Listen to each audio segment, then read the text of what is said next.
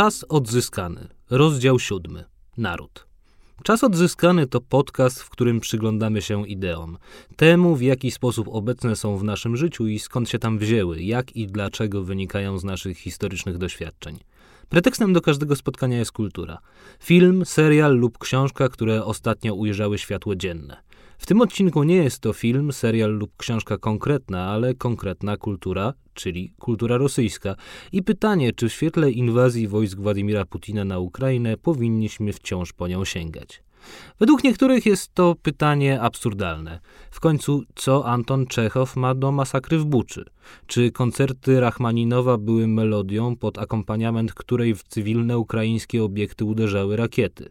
Inni twierdzą, że jego zadawanie ogranicza nas samych i jeżeli chcemy zrozumieć, dlaczego państwo Putina najechało kraj ze stolicą w Kijowie, winniśmy sięgnąć do braci Karamazow. Jeszcze inni, że być może Tołstoj nie spowodował wszystkiego, co zdarzyło się po 24 lutego, ale pewnym dekorum jest solidaryzowanie się z napadniętym choćby w taki sposób, że nie wspomaga się soft power napadającego i przypominają, że w Izraelu przez wiele lat nie grano muzyki Wagnera.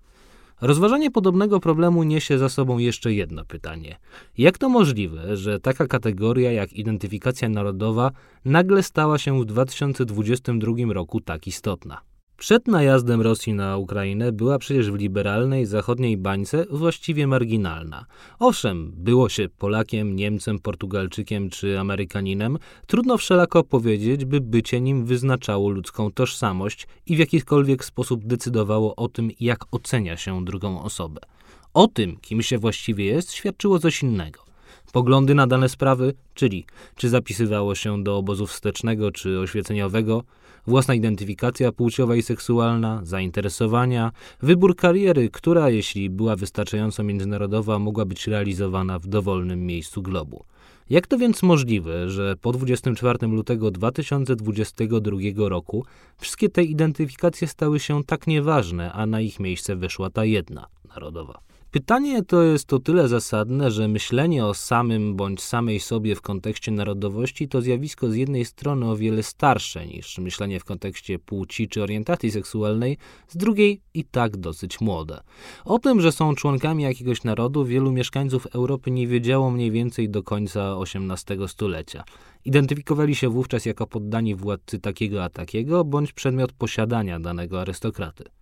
Rewolucja francuska zmieniła wszystko. Oto bowiem okazało się, że nie tyle nie są poddanymi, ile członkami wspólnoty, która w granicach terytorium, na którym mieszka, jest suwerenna. Więc kto się do niej zalicza, może tym terytorium zarządzać właśnie z racji tego, że się do niej zalicza. Jeśli po roku 1789 idee te, acz doprowadziły do bezprecedensowej w dziejach kontynentu zmiany władzy, nie były jeszcze dość rozpropagowane, swoje zrobił rok 1848. Podczas wiosny ludów w Europie wybuchły gorące nacjonalizmy w grupach, które narodami były, a często nie miały nawet własnego państwa. 70 lat później, gdy upadły wielkie imperia, wilhelmińskie i habsburskie, cesarstwo niemieckie stało się Republiką Weimarską, a Austro-Węgry Republiką Austrii i Republiką Węgier, świadomość tego, że jest się członkiem, członkinią narodu, była już ogólnie na kontynencie znana. Z tą świadomością zaś przyszły oczywiste zagrożenia. Zagrożenia mogą być oczywiste, choć gdyby spojrzeć na nie z zewnątrz, przecież wcale takie nie są. Naród nie jest czymś namacalnym, czymś, czego można dotknąć, o czym można wygłosić obiektywne stwierdzenie. Bycie członkiem narodu to fikcja, podobnie jak fikcyjne są danych narodów historie wywodzone od najdawniejszych czasów. Gdyby Mieszko I bądź Bolesław Chrobry usłyszeli, że są Polakami, wybitnie by się z tego powodu zdziwili. Ba, zdziwiliby się dowiedziawszy, że istnieje, i to istnieje obiektywnie, coś takiego jak Polska. Myślenie o najdawniejszych czasach jako tych, w których wykuwały się narodowe tożsamości, jest prezentyzmem. Naród to wynalazek, nie cokolwiek trwałego. Tymczasem w imię tego wynalazku i tej fikcji w XX wieku prowadzono wojny i eksterminację ludności na szeroką skalę. Pomagała w tym nauka, czy raczej pseudonauka, która, karmiona dość naiwnym darwinizmem, głosiła, że są lepsze narody i lepsze rasy. Pomagała w tym także propaganda, która przesyciła książki historyczne i opowieści o historii, odbiorców wypełniając przekonaniem, że narodowe zbiorowości, do których należą, istniały od zawsze. Przykładowo, że w średniowieczu w Azji istniało potężne państwo Kmerów, albo że swego czasu imperium turecko-mongolskie rządziło połową kontynentu. I chociaż wszystkie te opowieści dzisiaj brzmią jak kiepskie historie fantazy, naród i narodowe myślenie wraca po 24 lutego 2022 roku identyfikowanie się jako członek danego narodu przeżywa w Europie swój renesans. O tym, co może oznaczać i jakie historyczne doświadczenia za nim stoją, porozmawiam z moimi gośćmi. Dziennikarzem i eseistą Konstantym Gebertem, który właśnie wydał esej Ostateczne rozwiązania, ludobójcy i ich dzieło, oraz filozofką dr Katarzyną Kasią. Gebert w swojej książce przypatruje się masakrom dokonywanym na jednych przez drugich od najdawniejszych czasów, szczególnie wiele uwagi poświęcając jednak XX wiekowi, w którym ludobójstwo, dzięki polskiemu prawnikowi Rafałowi Lemkinowi, stało się wreszcie terminem prawnym. Rozmawiam z nim o tym, skąd się narodowe fikcje wzięły, jak ich dwa modele, francuski i niemiecki, różniły się od siebie i dlaczego dziś jeden poczyna przeważać. Tematem rozmowy z Katarzyną Kasią jest z kolei rosyjska kultura. Czy dziś należy z niej rezygnować? Jak członek jednego narodu ma zachować się, gdy drugi naród napada na trzeci? Zapraszam do słuchania.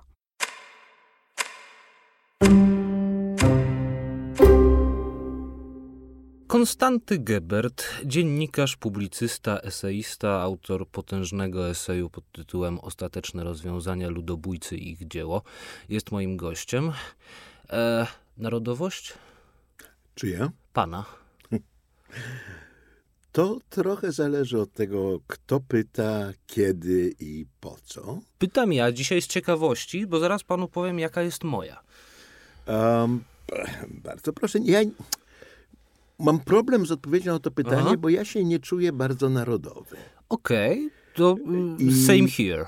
I, I Mój błogosławionej pamięci dziadek podobno mawiał, proszę mnie nie straszyć narodami, ja mhm. chcę żyć w społeczeństwie.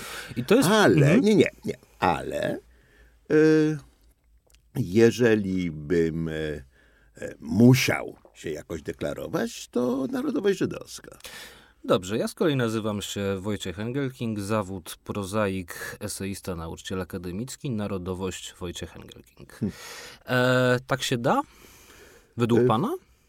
No, a kto, I pytam na poważnie zupełnie. Odpowiadam na poważnie. A kto może panu powiedzieć, że się nie da? Historia. Mm, dopóki historia nie Wcielona jest... w kogoś na ogół. Nie, ale kategoria narodowości mm -hmm. Nie jest kategorią obiektywną jak -hmm. gatunek. E, już nawet płeć okazała się nie być prostą kategorią obiektywną. Kategoria narodowości jest kategorią absolutnie konwencjonalną. -hmm. Znaczy, jest się z tej narodowości, y, w której wystarczająca liczba osób uważających się za członków tej narodowości pana uznają za członka. A kiedy się zaczęła wielka kariera tej kategorii? Bo to jest kategoria, która jest potwornie, przynajmniej tak mi się wydaje, potwornie młoda, no bo półtora mhm. wieku, tak licząc od roku 1848, to nie jest specjalnie dużo. I oczywiście możemy mówić o a, starożytnych narodach podbijających się nawzajem, ale to jest prezentyzm straszny, tak? To znaczy, to jest przy, przydawanie współczesnych kategorii do myślenia o tym, co było a, kilkadziesiąt wieków temu. Oczywiście to nicze, żadnej nam nowej wiedzy nie daje, natomiast zakłóca to, co o tej przeszłości wiemy. E, ja bym jednak e, narodziny narodowości przesunął troszeczkę wcześniej. Aha. E, z wiosny ludów na rewolucję francuską. Okej, okay, dlaczego? Dlatego, że wtedy wymyślono kategorię obywatela jako Aha. kategorię polityczną. I summa obywateli to był naród. I stąd mhm. się wzięła francuska koncepcja narodu mhm. e, jako wspólnoty politycznej. Mhm. I od razu na samym początku e, spotkała się z ostrą kontrą ze strony filozofów niemieckich, którzy mówili, że naród to jest wspólnota kulturowa, a w związku z tym biologiczna. Mhm. Tylko, że Francuzi, właśnie, czy Francuzi w wymyślaniu tej kategorii byli inkluzywni czy ekskluzywni? Bo jak sobie przypominam a, wyrok wydany na obywatela Ludwika Kapeta, jak był wtedy ogłoszony, skazany na zgilotynowanie król, to to jest z jednej strony inkluzywne, w sensie możemy zaliczyć do tej kategorii każdego, ale z drugiej strony zaliczamy do tej kategorii kogoś, kto nie za bardzo chce być do niej zaliczany, kto chce być raczej ponad narodem i być mhm. jakimś członkiem o, powiązanych ze sobą więzami bądź powinowactwa, bądź pokrewieństwa paru panujących w Europie rodzin. Mhm. I dlatego właśnie mam ten problem y, z narodowością, y, że ona z jednej strony mhm. wymaga aprobaty przez innych, ale z drugiej strony jest przez innych nadana. Mhm. I tak jak jednostka nie ma wpływu na to, czy zostanie jako członek danej narodowości zaaprobowana, tak też nie może odrzucić narodowości, jaka jej zostanie narzucona. Mhm. Y, więc problem nie, nie jest raczej w tym, czy francuska kategoria narodowości była inkluzywna, czy nie, bo narodowość jest y, mm, zawsze narzucana. Mhm. Natomiast francuska kategoria narodowości dopuszczała dobrowolne członkostwo po spełnieniu warunków, ale tym samym oznaczała, że można też tej narodowości wykluczyć, prawda? I zrezygnować. Tak. A, A... niemiecka koncepcja narodowości dokładnie odwrotnie. Mhm uniemożliwiała dobrowolne przystąpienie, ale też uniemożliwiała wykluczenie z narodu. Tak?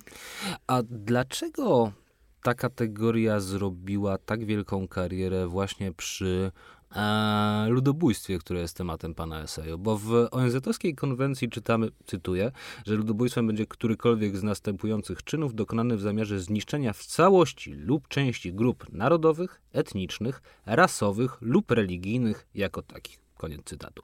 Dlatego, że z tych wszystkich grup no, naród wysuwa się, a, wnioskuje po lekturze ostatecznych rozwiązań na miejsce pierwsze bo jest to ta kategoria, y, która stosunkowo powszechnie jest przyjmowana jako weryfikowalna. Ale proszę zwrócić uwagę, że w tej e, wyliczance ONZ-owskiej, która jest z ocenzurowaną wersją wyliczanki Rafała Lemkina, mhm. autora definicji, który oprócz tych czterech grup uwzględniał tam jeszcze grupy polityczne i społeczne.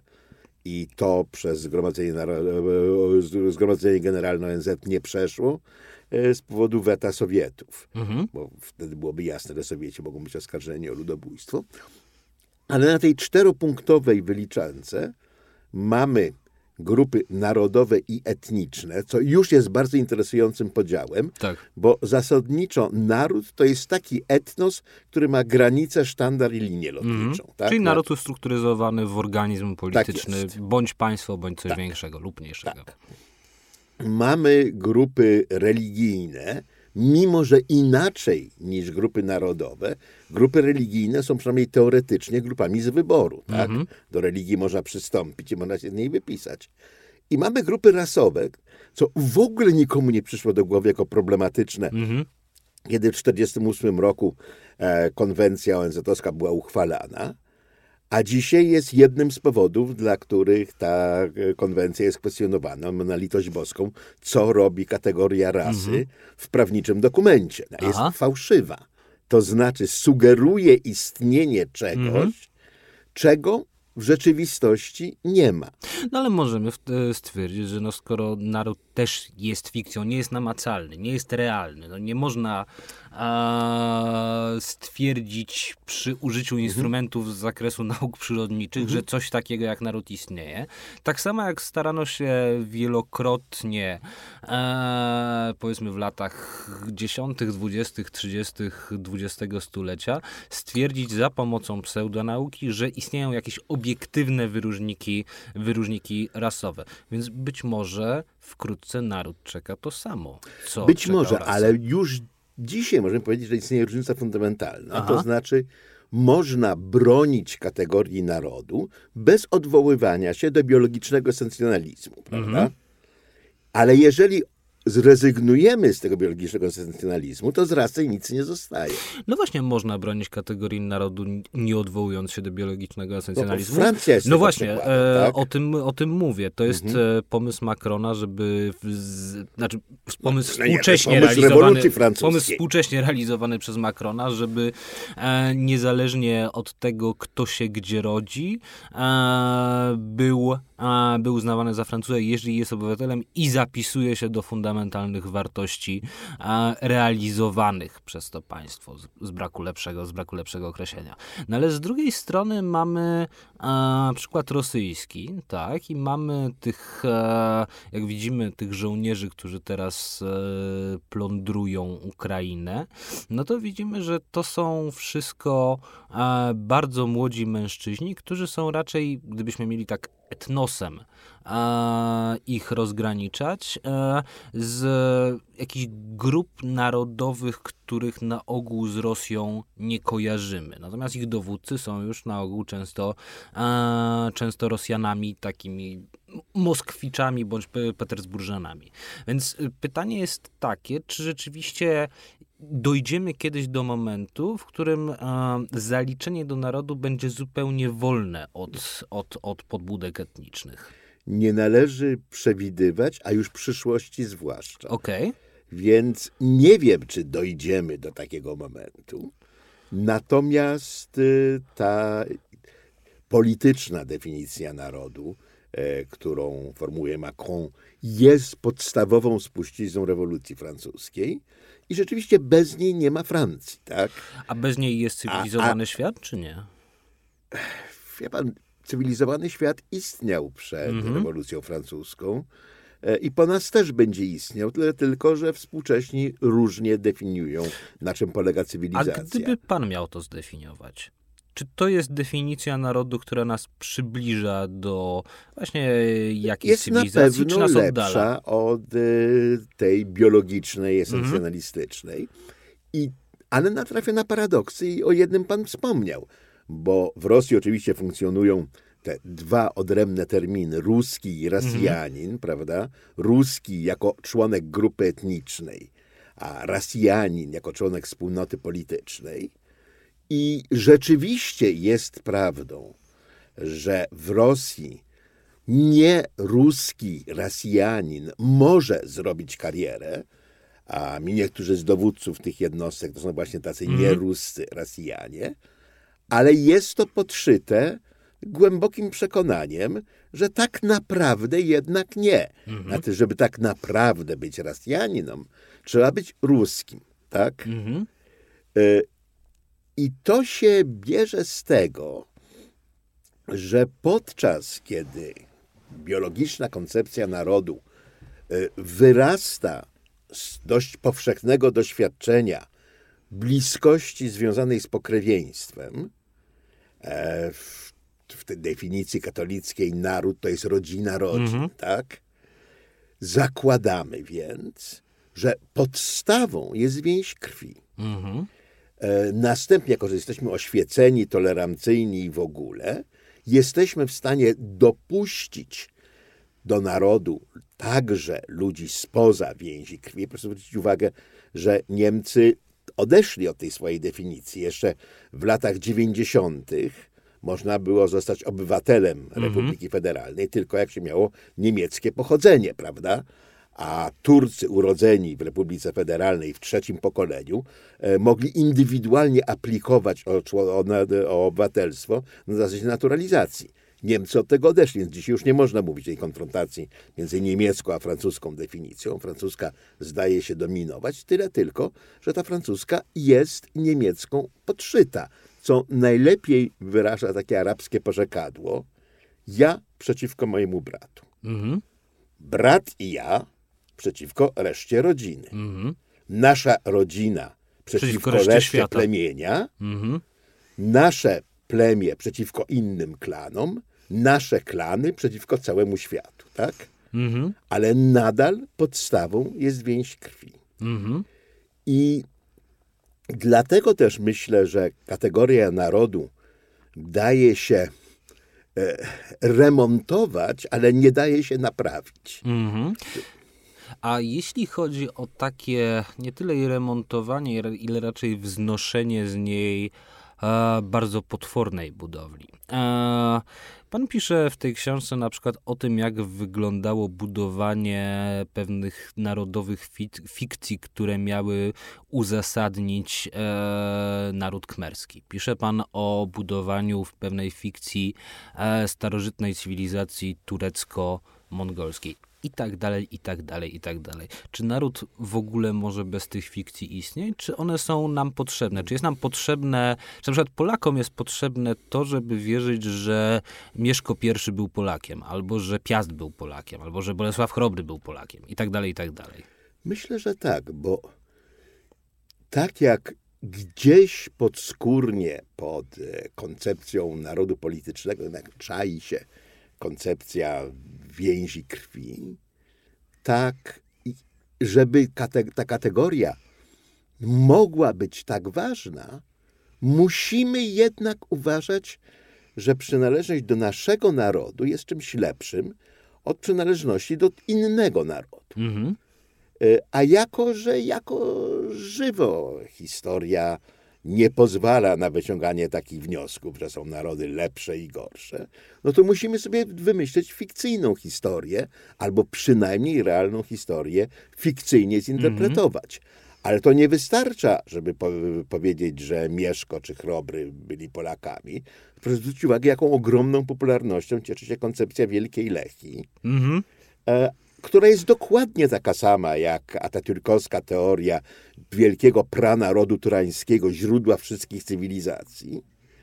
E, bo dopiero. I bardzo na... podobna do niegdysiejszej koncepcji sarmatii starożytnej. Tak, tyle tylko, że tamta jednak miała znaczenie mhm. głównie literackie i retoryczne, a ja mam wrażenie, że zwolennicy Wielkiej Lechii w to naprawdę wierzą szczerze. E, tak jak szczerze e, wierzyli rozmaici tureccy uczeni w tą koncepcję e, panturańskiego pranarodu. Mhm. Pamiętam, żeśmy zwiedzali w latach 60. Muzeum Chetyckie w Ankarze, w stolicy Turcji, e, gdzie między rzeczywistymi eksponatami sprzed tysięcy lat były dość prymitywne podróbki, które w motywy chetyckie wbudowywały na przykład półksiężyc z gwiazdą, e, żeby udowadniać, że no już nawet Chetyci byli Turkami. I bardzo speszony pan dyrektor, wybitny archeolog, dyskretnie nam mówił, na co nie należy zwracać uwagi. Tak? No dobra, ale czym w takim wypadku będą się różnić e, zwolennicy jednej fikcji o narodzie, tak absurdalne jak właśnie Wielka Lechia, od e, ludzi, którzy, nie wiem, sięgną sobie po książkę pod tytułem Historia Polski i przeczytają właśnie, że historia Polski zaczyna się e, w roku 966, chociaż jako żywo nikt wtedy o Polsce nie słyszał. Czym będą się różnić ludzie, którzy będą właśnie wierzyć e, wielką cywilizację starożytnych, starożytnych Kmerów, e, od tych, którzy raczej będą, będą sięgać po, e, po, po, po książki, które będą proponowały inne fikcje historyczne. No, z radykalnego punktu widzenia oczywiście niczym, tak? E, tyle tylko, że ten radykalny punkt widzenia abstrahuje od ludzkiej rzeczywistości. Czyli od Czyli, praktyki? Nie, od tego, że podczas kiedy zwolennicy Wielkiej Lechii wierzą w koncepcję całkowicie fałszywą i wystaną z palca, mhm. ci, którzy wierzą, że Polskę założono w 966 roku, mylnie interpretują fakty. Mhm. Więc dla nich jest trochę więcej nadziei, tak? Okej. Okay. A kiedy po raz pierwszy, już w tym takim nowoczesnym rozumieniu narodów, które pan datuje na, na rok 1789, kiedy po raz pierwszy zabito dla narodu?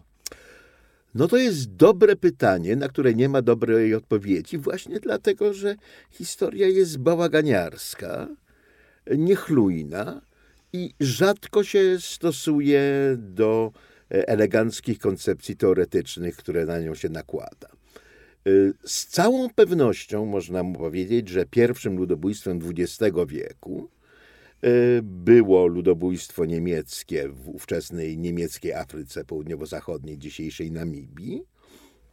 Chociaż już po zakończeniu książki, wśród rozmaitych rzeczy, których tam nie uwzględniłem, zorientowałem się, że nie uwzględniłem wymordowania Czerkiesów przez mhm. carską mhm. Rosję, e, o którym po prostu wiem za mało, żeby móc o nim sensownie pisać, ale z tego niewiele, co wiem, wynika, że spokojnie można by chyba, i to jest najważniejsze słowo w badaniu historii, mhm. chyba, e, zaliczyć tę rzeź do ludobójstw. Natomiast z całą pewnością e, możemy mówić o ludobójstwie w Herero i Nama, w Namibii, y, dlatego, że ludobójcy rozpoznali Herero i Nama jako narody, mhm. co wiemy z tego słynnego cytatu z generała Lotara von Trotty, który napisał, że y, podjąłem decyzję, że ten naród musi przestać istnieć, tak? Mhm.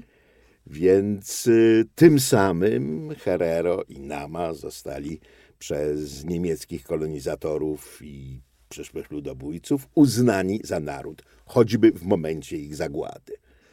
E, I tutaj e, von Trota e, postrzegał konflikt w Namibii poprzez bardzo popularne i prawdę powiedziawszy w owych latach postępowe mhm. kategorie darwinizmu społecznego, tak. której jest rzeczą naturalną, że wyższy naród eksterminuje niższy, bo na tym polega postęp w historii. Tym wyższym narodem byli Niemcy, e, a Herero i Nama mieli po prostu tego pecha, że oni niższy naród byli tubelcami mhm. na ziemiach, które Niemcy kolonizowali i ci tubylcy im w tym przeszkadzali. W związku z tym należało ich wymordować. To, to ludobójstwo jest o tyle interesujące, że jest to jedyne znane mi ludobójstwo absolutnie bez hipokryzji. Aha. To znaczy nie tylko generał von Trotta napisał, że podjąłem decyzję, że naród mi przestać istnieć, ale uczono tego w szkołach, pisała o tym prasa, jako o sukcesie cywilizacji, mhm. tak? No właśnie, jakie podbudowy naukowe się wtedy tworzy do, do, do, do, do, do jakiegoś uprawomocnienia takich przekonań? Bo kiedy e, czytałem pana książkę, to dosyć często mi stawał przed oczami pewien bardzo elegancki budynek w dzielnicy Dalem w Berlinie, gdzie dzisiaj się mieści Fakultet Nauk Politycznych e, w Freie Universität, a który kiedyś się nazywał Instytutem Cesarza Wilhelma. Jakie tam a, proponowano naukowe mm, podbudowy naukowe, teorie, które by służyły jako jakaś legitymacja do tych, do tych działań? No, tak jak wspomniałem, to była... Darwinizm. Darwinizm społeczny e, e, poprzez jego realizację w antropologii, a zarazem e, w historiozofii. Tak? Mhm. I stąd zresztą ogromny scjentystyczny, pozytywistyczny, chciałoby się powiedzieć, wkład niemieckiej nauki. Nama i Herero wziętych do niewoli dość systematycznie zabijano, ich czaszki preparowano i wysyłano do Berlina dla podjęcia naukowych badań, które miałyby udowodnić słuszność tego zabijania, pokazując, że Nama i Herero są narodem niższym. E, proszę pamiętać, że to naprawdę wtedy był kanon myślenia Europy. Było 100 lat temu, troszkę mhm. ponad 100 lat temu. No nie tak dawno. No więc właśnie, no więc właśnie. I ten sam Instytut Kaisera Wilhelma później stał się jednym z głównych ośrodków intelektualnych przygotowywania zaplecza dla zagłady Żydów i porajmos zagłady Romów, e, naukowo udowadniając niższość tych ras. Po drodze zdarzyło się na coś bardzo interesującego. Mianowicie e, na skutek klęski Niemiec w I wojnie światowej ich kolonie przeszły pod zarząd Ligi Narodów, zostały rozparcelowane między zwycięzców. Mm. Belgia dostała Ruandę i Burundi. Um, zawsze mi się to strasznie podobało, że czyjś kraj zostaje przekazany komuś, mm -hmm. żeby mhm. mu skompensować. Jakiś zarząd powierniczy. Tak, tak, tak. tak. no, ale Belgowie już byli po traumie Konga Mhm. i postanowili, że oni w tej Rwandzie zachowają się jak dobrzy kolonizatorzy. I rzeczywiście Belgia zainwestowała w Rwandę dużo więcej niż mogła z niej wycisnąć. Rwanda po dziś dzień nie produkuje niczego oprócz kawy, herbaty i ciętych kwiatów, prawda? A Belgowie tam budowali drogi, mosty, szpitale, szkoły oraz postanowili raz na zawsze zaprowadzić racjonalny porządek w rwandyjskim bałaganie społecznym. Mianowicie Rwanda to było bardzo skomplikowane społeczeństwo, które było podzielone za- zasadniczo na dwie grupy, Tutsi i Hutu. Nie były to grupy etniczne w sensie europejskim. E, Bardziej już można było mówić o kastach, aczkolwiek nie stał za tym system e, religijny, tak jak w Indiach. E, Pod wieloma aspektami przypominało to e, polski feudalny podział na panów i chłopów. Tak? E, I chociaż królowie rwandyjscy byli zawsze Tutsi, e, to klany były mieszane i przywódcy klanów mogli być Tutsi albo Hutu. Co więcej, można było przechodzić od Tutsi do Hutu i odwrotnie, w zależności na przykład od powodzenia ekonomicznego. E, były wręcz formalne ceremonie wytucsienia, czyli wyniesienia kogoś na stanowisko pozycję Tutsi, czy pochucenia, jeżeli ktoś jednak kompletnie zbankrutował i Tutsi nie chcieli go już mieć. No i Belgowie na to patrzyli ze zgrozą i postanowili wprowadzić racjonalny podział. Pojechały ekipy z Uniwersytetu w Leiden, badały tę nieszczęsną Rwandę kilkanaście lat i wreszcie przyjęto naukową definicję Tutsich. Mianowicie jest się Tutsim, jeżeli ma się przynajmniej 1,85 m wzrostu albo przynajmniej 10 krów. Aha, czyli zupełnie, znaczy biologia pomieszana z ekonomią. No tak, kompletnie. ponieważ z jednej strony szukano biologicznej esencji tutsyjskości Aha. i hutyjskości i nie można było jej znaleźć, a z drugiej strony no, trzeba było jednak, żeby ta definicja miała jakiś związek z rzeczywistością. To, co jest ważne, to jest to, że jeżeli ja miałem 1,86 m i 12 krów, to ja byłem Tutsi. Jeżeli pan mój brat miał 1,80 m i 7 krów, to pan był Hutu. Mhm. I żeby raz na zawsze skończyć z afrykańskim bałaganem, wprowadzono dowody osobiste, w których wpisano raz na zawsze, kto jest Tutsi, kto jest Hutu i już nie można było wędrować sobie między grupami. Tak Belgowie w oparciu o przodującą europejską naukę stworzyli kompletnie fikcyjne kategorie, które następnie pół wieku później posłużyły do ludobójstwa. Mhm. A jeśli mówimy o ludobójstwie, które ma być ludobójstwem narodowym, ale ukrywa się pod a, a, jakimś, z braku lepszego słowa, przebraniem. I mówię tutaj o Hołodomorze na Ukrainie, którym ma być niby a, żeby tutaj nie, nie, nie cytować e, Józefa Stalina, ale powiedzmy, że ma być sposobem na poradzenie sobie z ówczesną gospodarką ukraińską, a de facto będzie szło o zniszczenie narodu ukraińskiego. No to właściwie dlaczego ukrywać to, że chce się zniszczyć naród, e, właśnie pod e, płaszczykiem a, działania wymierzonego w daną grupę definiowaną ekonomicznie. No, tutaj po pierwsze czyni pan założenie, że Stalin postrzegał swój mord tak, jak pan go postrzega, Aha. czyli że istotnie jest to mord na narodzie, który trzeba zakamuflować z jakichś powodów. To nie jest wcale oczywiste, że Stalin posługiwał się naszymi kategoriami. Co więcej, to, czy ukraińscy chłopi zostali wymordowani jako ukraińscy, czy jako chłopi, stało się ważne dopiero w 1948 roku, kiedy przyjmowano definicję właśnie. ludobójstwa e, i Lemkin, mając na myśli zresztą właśnie Hołodomor, e, chciał, żeby ona uwzględniała grupy polityczne i społeczne, żeby można było następnie Sowietów ludobójstwo oskarżyć. No a Sowieci nie w ciemię bić, właśnie dlatego zawetowali tę definicję i e, polityczne i społeczne z niej wypadły. Natomiast e, Stalin prawdopodobnie myślał o kilku rzeczach naraz. Okej.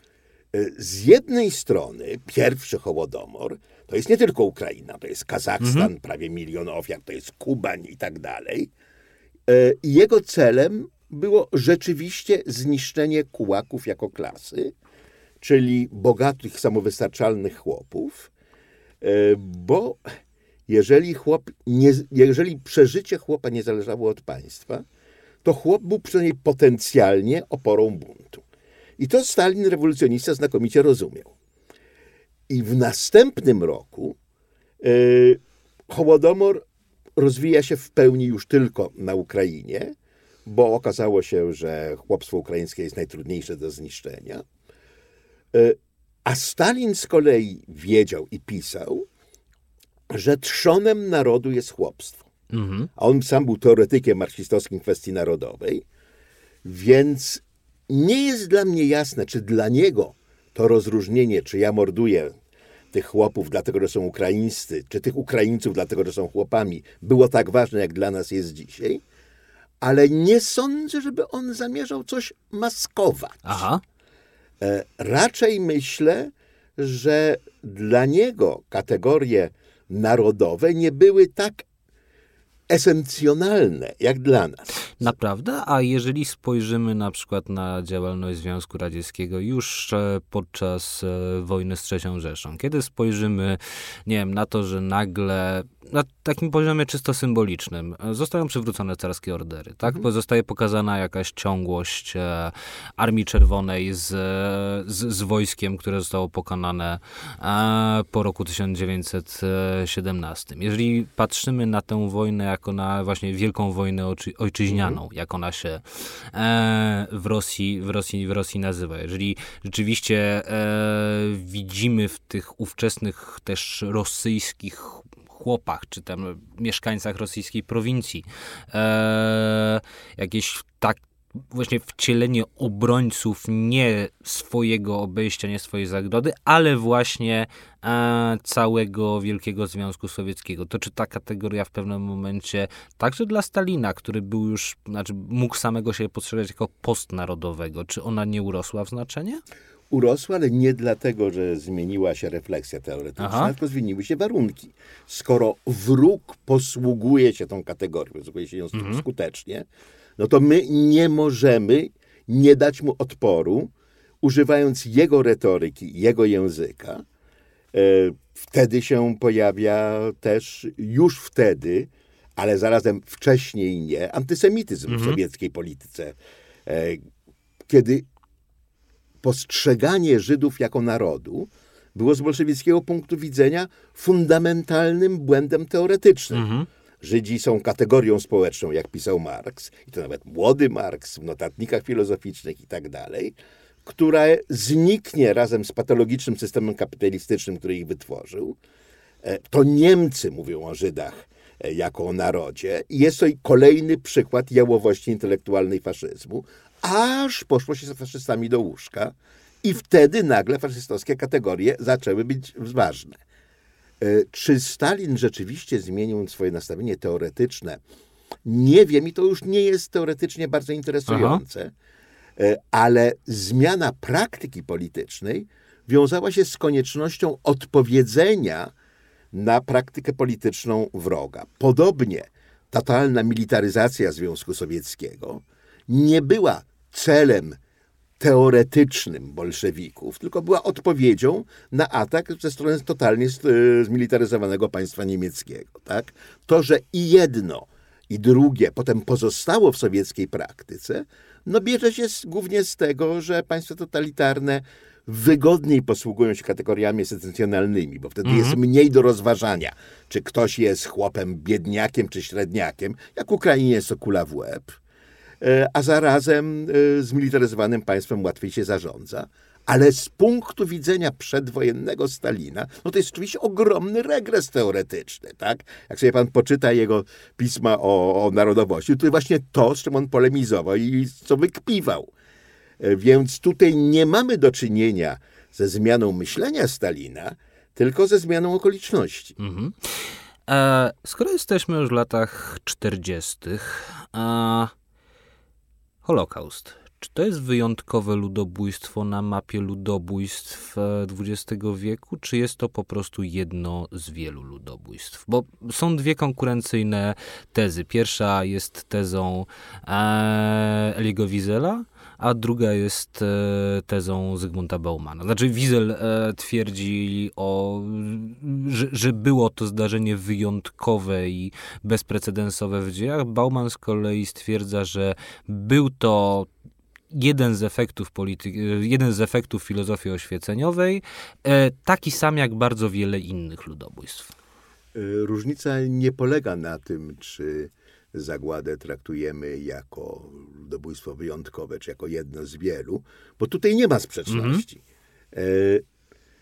Różnica polega na tym, czy traktujemy zagładę jako zjawisko wyjątkowe w ogóle, okay. nieporównywalne z niczym innym. Tak twierdził e, Wiesel e, i tak twierdziło wielu myślicieli bezpośrednio powojennych. Albert Cohen, ale na przykład Claude Lanzmann, E, podobnie, podobnie uważał, że e, zagłady nie da się z niczym porównać, że jest to coś wyjątkowego w historii ludzkości. E, I jest to naturalna reakcja poznawczego i moralnego szoku na zbrodnię rzeczywiście nie mającą precedensu, ale jeżeli zbrodnia nie miała precedensu, to odkąd się stała, no to precedens już się stał. Mhm. Stąd na przykład Jehuda Bauer, który jest zapewne najwybitniejszym współczesnym historykiem zagłady, e, pisał, że zmienił zdanie, że uważał zagładę pierwej za zjawisko wyjątkowe i nieporównywalne, a teraz uważa ją jedynie za zjawisko bezprecedensowe, czyli przed zagładą nie było niczego podobnego mhm. do zagłady, natomiast po zagładzie, po pierwsze, może być, bo zagłada udowodniła, samym tym, że była, że może zaistnieć, że więc może się powtórzyć, a po drugie, że daje się to porównywać na wiele różnych, po, wielu różnych poziomach z późniejszymi ludobójstwami, a co za tym idzie, także z wcześniejszymi. To jeśli chodzi o powtórzenie, to jest cytowany zresztą przez pana piękny w swoim cynizmie pasus Davida Riffa, że to powojenne hasło nigdy więcej oznacza właściwie, że nigdy więcej Niemcy nie będą mordować Żydów w latach 40., w latach 40. XX, XX stulecia. Ale nie rozumiem, dlaczego pan mówi, że ono jest cyniczne. Cyniczne jest mówienie nigdy więcej, mm -hmm. kiedy wiemy, że to się zdarzyło, tak? Nie, ja mówię, że ono jest cyniczne w kontraście do pewnej łatwowierności a, hasła nigdy więcej. Mówię, że ono jest być może rzeczywiście cyniczne, to źle, a, źle powiedziane, być może z, tak realistyczne, że aż e, a, w swojej ładności Beaumotu boli. Może tak. Nie, mam nadzieję, że boli. Pomysł, że świat, w którym możliwe jest ludobójstwo, jest światem bezbolesnym, jest pomysłem samobójczym, -hmm. tak? Ludobójstwo powinno nas boli, boleć, powinniśmy się go bać i powinniśmy być świadomi, że może się zdarzyć, bo tylko to daje niewielką szansę, że następnym razem będziemy chociaż trochę lepiej próbowali mu zapobiec. Tak? A kto ponosi odpowiedzialność za ludobójstwo? To jest duże pytanie i ono jest, e, ono jest e, poważne, bo te, pan przywołuje e, reakcję Arendt na końcówkę lat 60. i młodych Niemców, którzy nagle zadali swoim rodzicom i dziadkom pytanie, a co wy robiliście w latach 33-45 i i tych młodych Niemców, którzy właśnie czują się winni. Arendt stwierdza, ach jakie to cudowne uczucie być winnym za coś, czego się właściwie nie zrobiło, że to jest raczej takie tworzenie samego siebie jako człowieka wybitnie, wybitnie szlachetnego. Mhm. E, to jest dyskusja, którą mamy teraz. To znaczy, czy temu, co się dzieje na Ukrainie, winny jest Władimir Putin, czy winni są wszyscy Rosjanie, prawda? A jeżeli nawet popierają jego politykę, to też musimy pamiętać, że o tezie, jakoby pierwszą ofiarą każdego dyktatora byli jego współobywatele, którzy się stają, którzy się stają poddanymi, prawda? Znaczy, kto będzie ponosił odpowiedzialność za ludobójstwo? Czy ci, którzy stoją z maczetami, czy ci e, i są omamieni propagandą, są omamieni tym, co jest im wkładane e, w szkołach do głów i tak dalej, i tak dalej, e, czy tylko ci, którzy ponoszą sprawstwo kierownicze? No, na to odpowiedział już dawno Karl Jaspers, prawda? On mówił o trzech rodzajach Mhm. winy, prawda? O odpowiedzialności prawnej, którą ponoszą wszyscy uczestnicy zbrodni, zarówno ci bezpośredni, jak i ci, którzy wydawali rozkazy na zasadzie odpowiedzialności sprawczej. Tutaj istnieje bardzo rozbudowana jurysprudencja, jak to karać. E, I ci powinni ponosić odpowiedzialność karną. Drugie to jest wina polityczna i tę ponosi społeczeństwo, w imię którego ludobójstwo zostało popełnione. E, I to społeczeństwo samo musi e, rozpatrzyć i zdecydować, na ile mogło było zapobiec, czy utrudnić, czy się zbuntować, na ile nie mogło, ale wtedy ponosi winę za swoją niemoc. Mhm. I wina metafizyczna, e, którą ponosimy my wszyscy. E, Za to, że żyjemy w świecie, w którym ludobójstwo jest możliwe.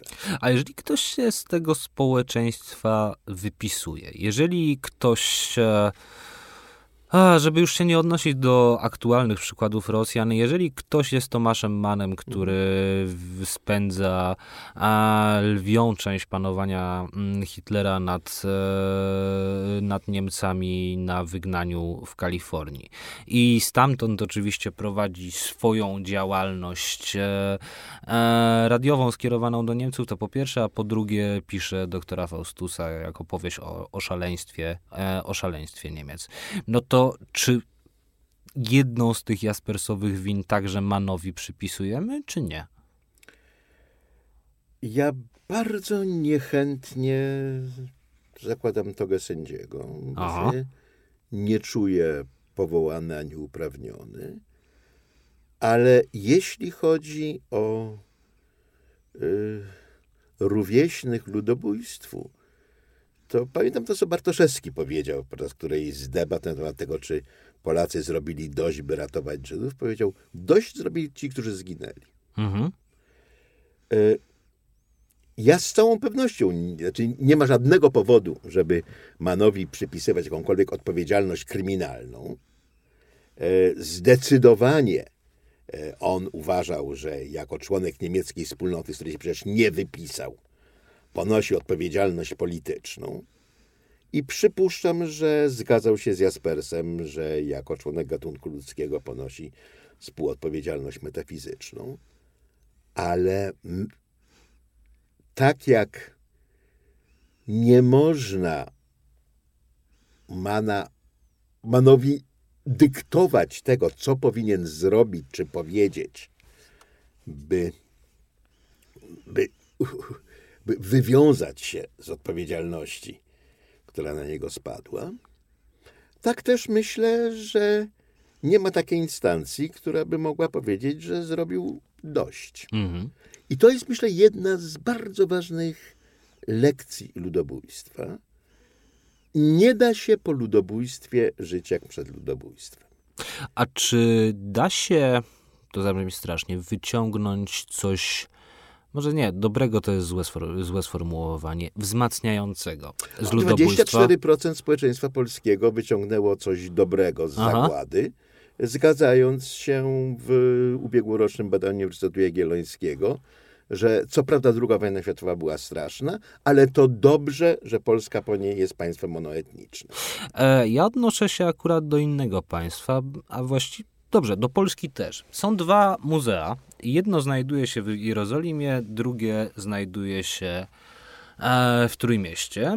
E, muzea, które z pozoru się wydają oparte na podobnym pomyśle. Pierwsze to jest oczywiście Yad Vashem, a, które jeżeli ktoś z nas słuchających nie był, to tam trzeba trochę dojechać z, z stacji kolejowej e, w Jerozolimie i przechodzi się przez e, kilkanaście sal, w których jest pokazana e, cała zbrodnia zagłady, tylko po to, żeby w końcu wyjść na wspaniały balkon, z którego rozciąga się e, widok na, mm, widok na współczesną Jerozolimę. I właściwie ten balkon jest, ten widok z tego balkonu jest takim wielkim powiedzeniem przetrwaliśmy i teraz jesteśmy, i teraz jesteśmy mocni.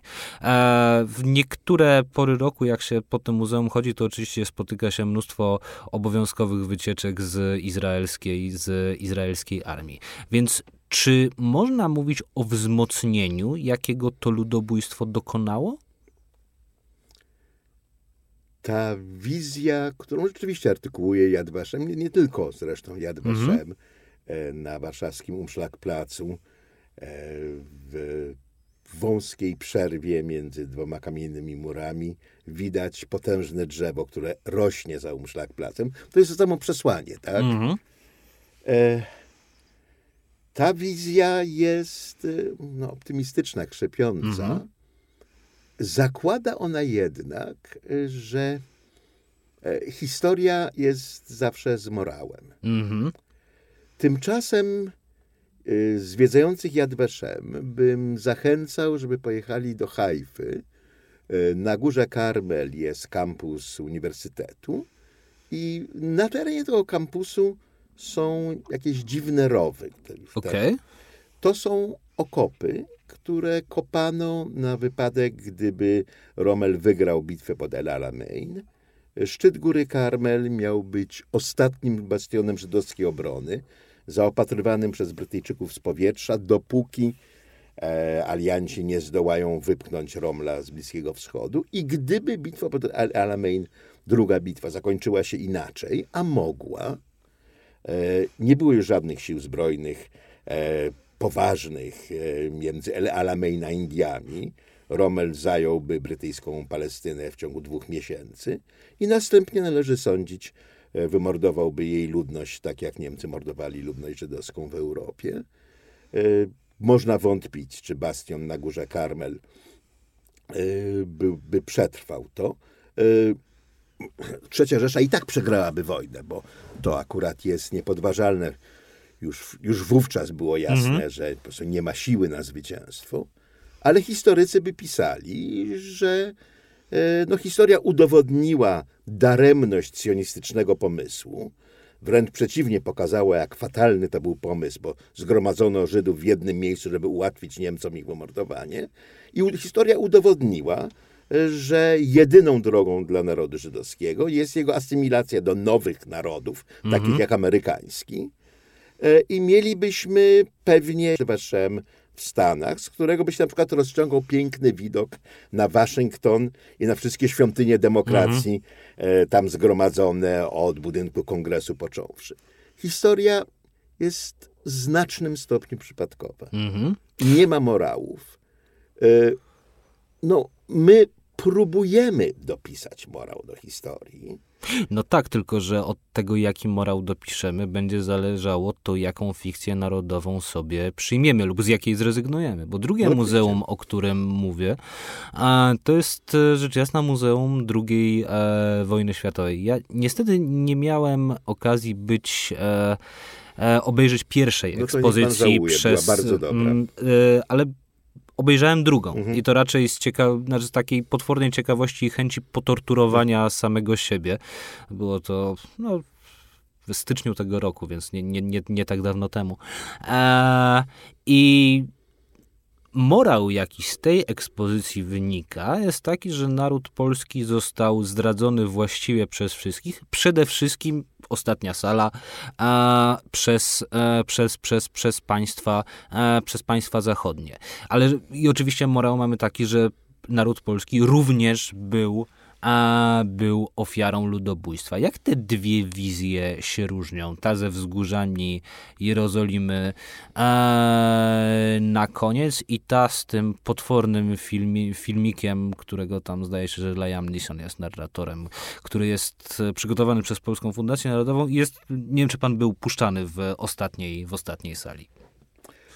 E, no, w pewnym sensie nie różnią się niczym, mhm. ponieważ y, oba są próbą interpretacji tej historii e, i też niczym się nie różnią od e, pomnika Waltera Benjamina, który e, zbudował Dani Karawan w miejscu, gdzie Benjamin się zabił, tak? Czyli w Port Bu na pograniczu francusko-hiszpańskim. To jest miejsce, które od bardzo dawna chcę odwiedzić, a jeszcze nie byłem w okolicy. Warto. To są schody, które prowadzą do morza. Znaczy, mm -hmm.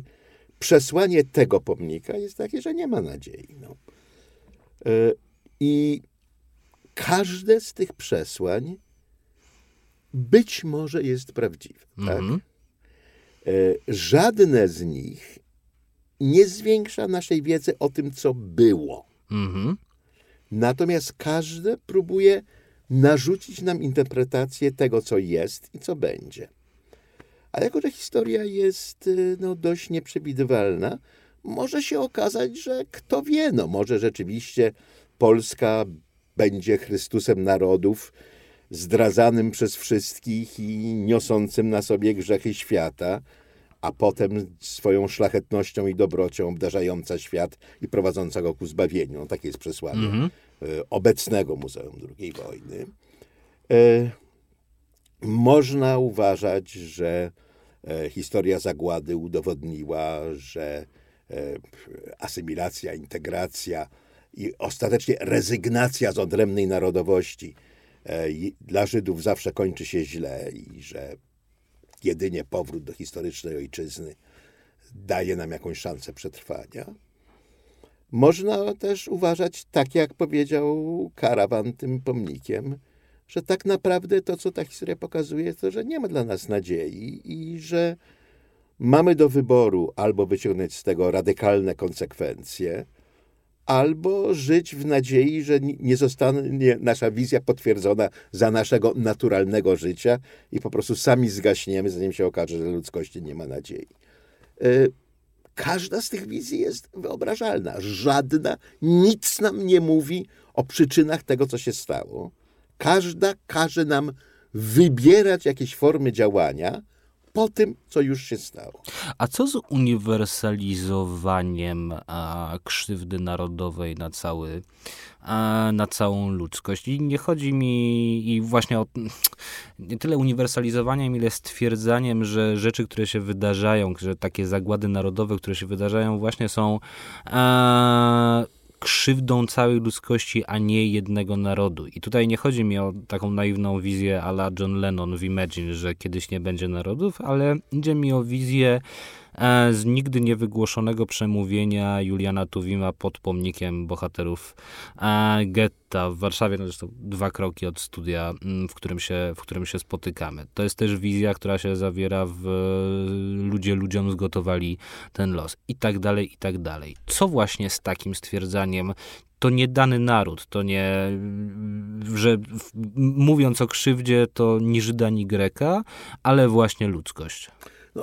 To jest ta idea, która kierowała Lemkinem, mm. kiedy tworzył swoją definicję ludobójstwa. Jeszcze zanim nawet wymyślił samo słowo, on wcześniej w latach 30. E, używał kategorii barbarzyństwo, wandalizm. E, I to miało mieć charakter perswazyjny. To znaczy, e, Lemkin, biorąc za punkt wyjścia ludobójstwo Ormian, doszedł do bardzo słusznego wniosku, że samo wymordowanie mhm. miliona ludzi no, nikogo jakoś szczególnie nie pobudza do działania, tak? Więc on chciał w tej swojej definicji nowej zbrodni zawrzeć e, takie właśnie przesłanie, że to nie tylko ofiary są poszkodowane, ale my wszyscy. Lemkin argumentował, no pomyślmy, ilu kompozytorów, ilu malarzy, ilu uczonych ludzkość nigdy nie będzie miała, no bo mhm. Ormianie zostali wymordowani. A więc y, no to przesłanie mówi, że nie należy popełniać ludobójstwa, bo będziemy na tym stratni. Tak?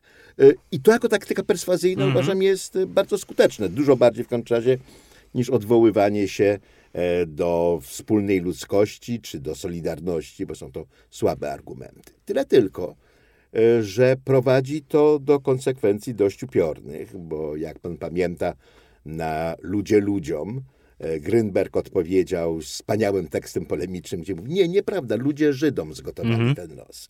Innymi słowy, żydowskość ofiar nie była incydentalna. To nie było tak, że oni byli pars prototo ludzkości. E, byli mordowani dlatego, że byli Żydami i dopiero wtedy, Jak to zrozumiemy i zaakceptujemy, możemy z tego wyciągać jakieś uniwersalizujące wnioski. On trochę oczywiście dorobił Dąbrowskiej gębę, e, bo Dąbrowskiej nie tyle chodziło o to, by negować żydowskość ofiar, ile raczej by perswazyjnie e, przekonywać, że mimo wszystko to też byli ludzie, chociaż Żydzi, mhm. tak? E, co w Polsce roku 1946 było naprawdę dość radykalnym stwierdzeniem. Mhm. Ale proszę spojrzeć, bo tu rzeczywiście przykład zagłady jest takim podręcznikowym przykładem tego dylematu. Bo rzecz jasna, Dąbrowska odniosła fenomenalny sukces. E, I można by powiedzieć, że Żydzi odnieśli mhm. fenomenalny sukces. Jesteśmy jedyną grupą ofiar, której pamięć o własnym cierpieniu stała się pamięcią powszechną. Mhm. Świat zapamiętał zagładę tak, jak myśmy ją zapamiętali. Y, to nie jest wcale oczywiste. Mm-hmm. Chciałbym to dokończyć, mi się wydaje, ta, ta, ta, ta myśl istotna dla naszej rozmowy. To nie jest oczywiste, bo no, Ormianom po 120 latach nie udało się zmusić sprawców ich mordu, żeby uznali to za ludobójstwo. E, bardzo bym się zdziwił, gdyby więcej niż 5% ludności świata wiedziało, o ludobójstwie Tut, popełnionym przez Hutu, a już zwłaszcza wiedziało, kto zabijał kogo. O zagładzie wiedzą mniej więcej wszyscy. Czasem wiedzą źle, czasem coś tam słyszeli. Więc to rzeczywiście jest coś, czego żadnej innej grupie ofiar się nie udało. I inne ofiary Żydom tego zazdroszczą, a nawet uważają, że tu jakiś podły spisek miejsce ma. Na przykład yy, Polacy często uważają, że Żydzi ukradli im palmę pierwszeństwa w ludobójstwie. Tymczasem cena, jaką się za to płaci, jest taka, że w tym po popularnym obrazie zagłady już nie ma nic żydowskiego. Aha. Jak pan pamięta takie filmy jak Pianista, Lista Schindlera, W ciemności, ofiary są zwykłymi ludźmi, mhm. które cierpią dlatego, że Niemcy ich uznali za Żydów. Tam nic żydowskiego się niemal nie pojawia w, w, w ciemności Agnieszki Holland, w którymś momencie Żydzi ukrywający się w lwowskiej kanalizacji nagle wyciągają śnieżno-białe tałesy i zaczynają się modlić. No bo reżyserka sobie przypomniała, że to są Żydzi, trzeba pokazać widzowie, że to są Żydzi. Niech zrobią coś żydowskiego, niech, niech się pomodlą, mhm. tak? Ale jest to ewidentne, że w tych wszystkich przekazach kulturowych żydowskość ofiar jest incydentalna, po to, by wzbudzić empatię i solidarność, żeby widz czy czytelnik mógł poczuć, proszę, przecież to mógłbym być ja, no jakiś mhm. durny hitlerowiec mnie mógłby uznać za Żyda, prawda? Kiedy dziennik Anny Frank pierwszy raz wystawiono w Nowym Jorku na scenie, usunięto z niego wszystkie odniesienia do, do żydowskości rodziny Franków. To była uniwersalna historia ocierpienia, a usunięto te odniesienia dlatego, żeby utrudnić odrzucenie przesłania, no bo a to są Żydzi, to wiadomo, z Żydami tak się dzieje. Z tego dylematu nie ma wyjścia. Mhm. Ale jest jeszcze jeden dylemat. Państwo słuchają tej rozmowy na początku czerwca, bo wtedy ona jest e, umieszczona w serwisach streamingowych. My z kolei rozmawiamy 16 maja, to znaczy w dwa dni po pewnej istotnej rocznicy, a właściwie dwóch rocznicach, bo 14 maja roku 1948 zostało proklamowane e, państwo Izrael, tylko że tylko w jednej pamięci jednego narodu ten dzień się tak pamięta, bo w pamięci drugiego narodu ten dzień się pamięta jako nagbę, katastrofę. I nie chcę panu ułatwiać zadania i stwierdzę, i nie chcę, żeby pan mnie pozycjonował teraz jako jakiegoś oszalałego propalestyńskiego zachodniego lewicowca, bo niestety rozmawia pan z nudnym liberałem ze szkoły Amosa Oza i e, zwolennika, i zwolennika koncepcji e, dwóch państw. Ale to jest pytanie, w jaki sposób krzywda doznana przez jeden naród usprawiedliwia krzywdę dokonywaną na drugim w ogóle nie usprawiedliwia. To mhm. jest y, błędne myślenie. Y, do jakiejkolwiek moralnej oceny e, tego, co się zdarzyło na Bliskim Wschodzie w roku 1948. I co działo się potem i dzieje się cały czas. Tak. Doświadczenie zagłady nie jest potrzebne. Okej, okay. bo? Bo całkowicie wystarczy fakt, że Żydzi powrócili do swojej historycznej ojczyzny e, z poparciem społeczności międzynarodowej, która uznała zasadność ich roszczeń, dając mandat Ligi Narodów Wielkiej Brytanii. E, I tam starli się e, z ówczesnymi mieszkańcami tych samych ziem, którzy mieli do niej przynajmniej równie dobre prawo. Mhm. To, co Europa zrobiła Żydom, nie ma żadnego moralnego znaczenia dla naszej oceny tego konfliktu. Y, z jednym tylko zastrzeżeniem. Można twierdzić w sposób radykalny, że w związku z tym, że Arabowie, przyszli Palestyńczycy w 1948 roku, jeszcze nikt z samymi Palestyńczykami na, na, na czele nie mówił o narodzie mhm. palestyńskim.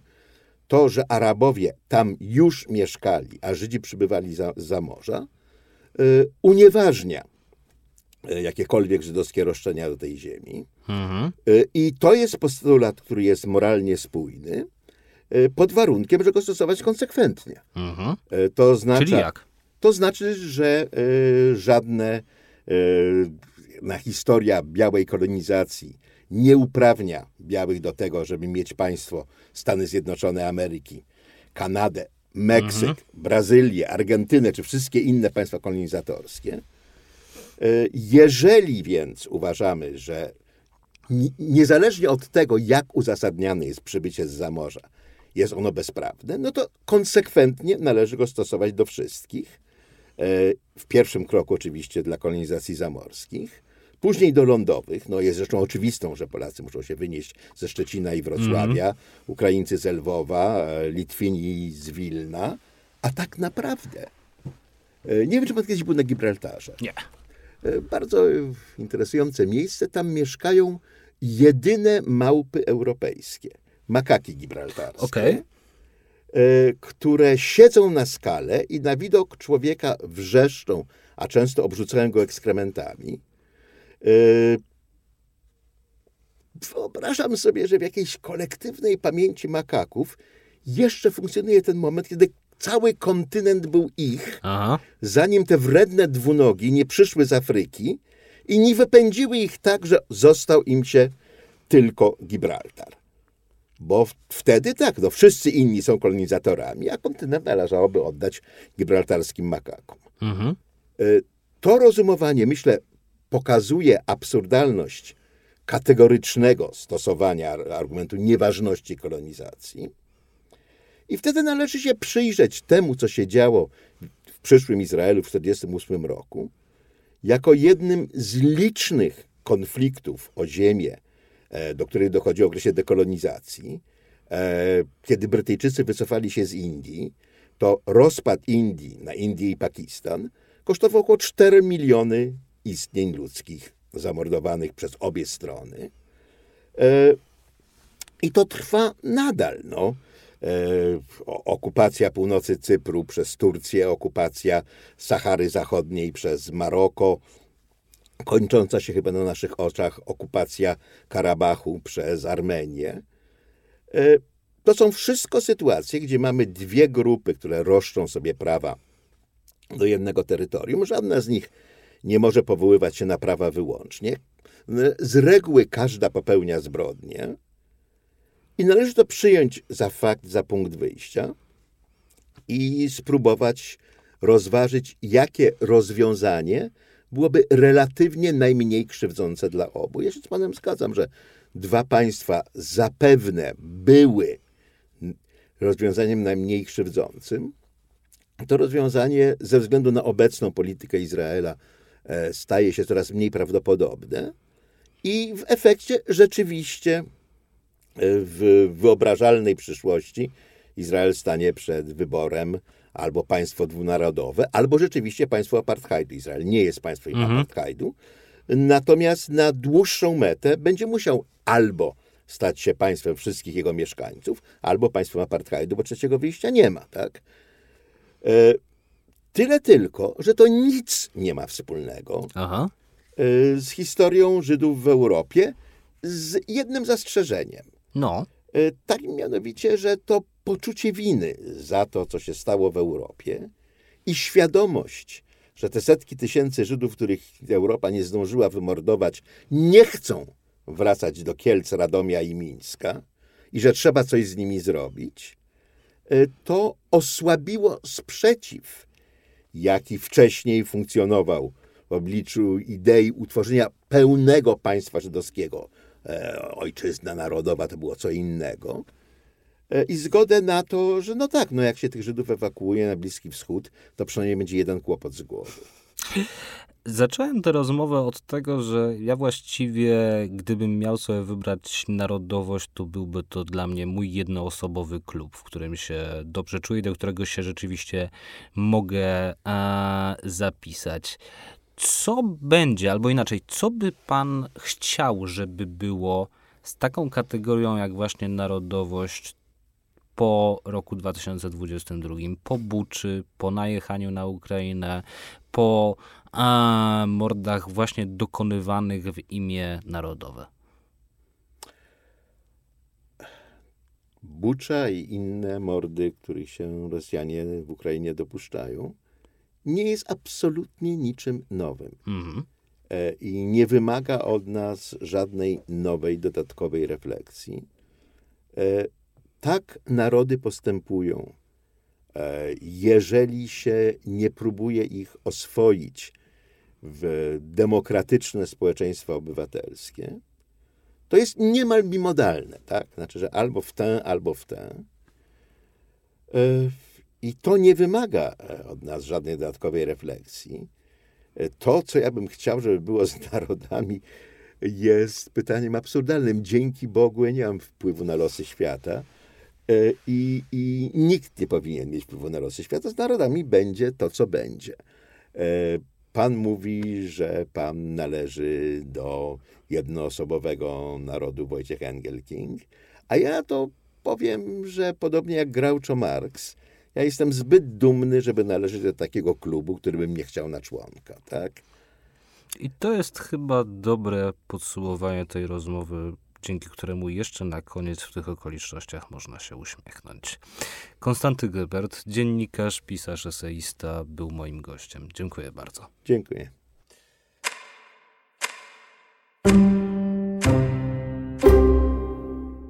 O tym mówił Konstanty Gebert. A teraz zapraszam na rozmowę z dr Katarzyną Kasią o tym, czy po 24 lutego należy kancelować rosyjską kulturę.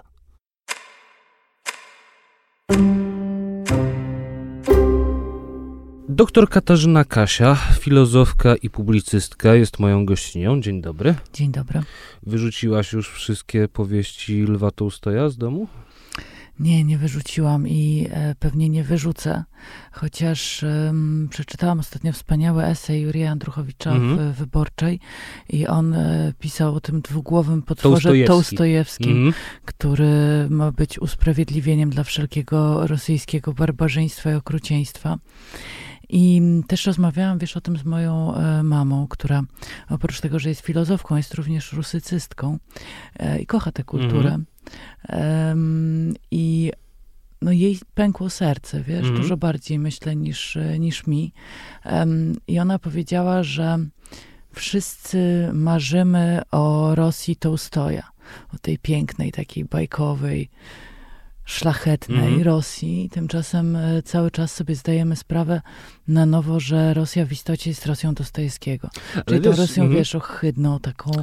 No dobra, tylko że jeżeli marzymy o Rosji Tołstoja, to pamiętasz, jak się kończy Wojna i Pokój, tym takim długim esejem o tym, że to nie ma jednego takiego hyglowskiego, wielkiego człowieka, wybitnej mm. jednostki, która upostaciawia historię i pchają do przodu, tylko jest mnóstwo maleńkich trybików, tak?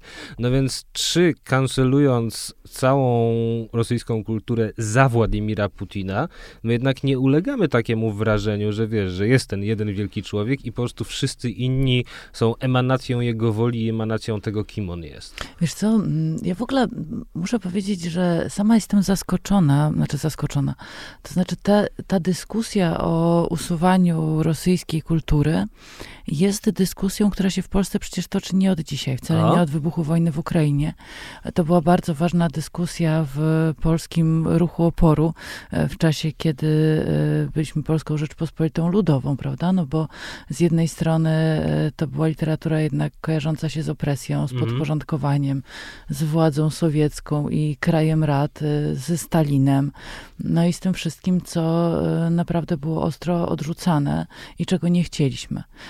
Poza tym, jeszcze wtedy dodatkowo ta literatura była i ta kultura była nam narzucana. I mocno promowana. I mocno promowana. I wiesz, jak sobie popatrzysz na e, to, jakie książki są na polski przetłumaczone, no to ten korpus dzieł mhm. rosyjskiej literatury jest imponujący. Nie, no jasne, że Ogromny tak. jest też korpus ja literatury radzieckiej. Ja wszystkie rzeczy rosyjskie właściwie, które mam w domowej bibliotece, oprócz, nie wiem, nowych przekładów Adama Pomorskiego, to ja to mam jako kupowane na Allegro stare wydania PRL-owskie. Dokładnie, właśnie tak. I, um, I tutaj ja myślę, że trzeba byłoby się cofnąć e, do lat 50., powiedzmy, do tego czasu powojennego, kiedy e, no, te rzeczy się, to się po raz pierwszy stało, to znaczy to się bardzo mocno mieszało. Z jednej mhm. strony był zachwyt tą e, literaturą wielką, no a z drugiej strony jednak um, szukano na przykład właśnie u Dostojewskiego um, okropności Rosji mhm. i znajdowano ją bez kłopotu.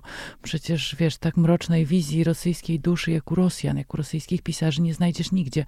I e, przypomina mi się, e, przypominają mi się szpetni 40-letniej Agnieszki Osieckiej, gdzie ona pisze, że e, jakby zapytać dowolną młodą osobę studiującą w latach 50., jakie zna języki, no bo pewnie powiedziała polski, rosyjski, angielski może mhm. i Dostojewski. No bo ten Dostojewski pisany właśnie z małej litery u Osieckiej był rodzajem języka, był takim kodem kulturowym, w którym ludzie się spotykali i no ja pewnie gdzieś tam byłam na tym Dostojewskim wychowana, ale to Same nie było... Here. No ale wiesz, ale to nie było wychowanie prorosyjskie, to było wręcz odwrotnie, wychowanie niezwykle krytyczne Aha, wobec Rosji. Okay. I ja e, czytając Dostojewskiego, nie wiem, no trzeba byłoby moim zdaniem mieć w sobie dużą dozę masochizmu, żeby cię Dostojewski zainspirował do tego, żebyś miał ochotę akurat się wybrać do Rosji e, i iść śladami byłego studenta Raskolnikowa, albo siedzieć w podziemiu jak ten obrzydliwy bohater notatek i, i tam, wiesz, patrzeć na mokry śnieg. To za masochistę, bo ja właściwie jak pojechałem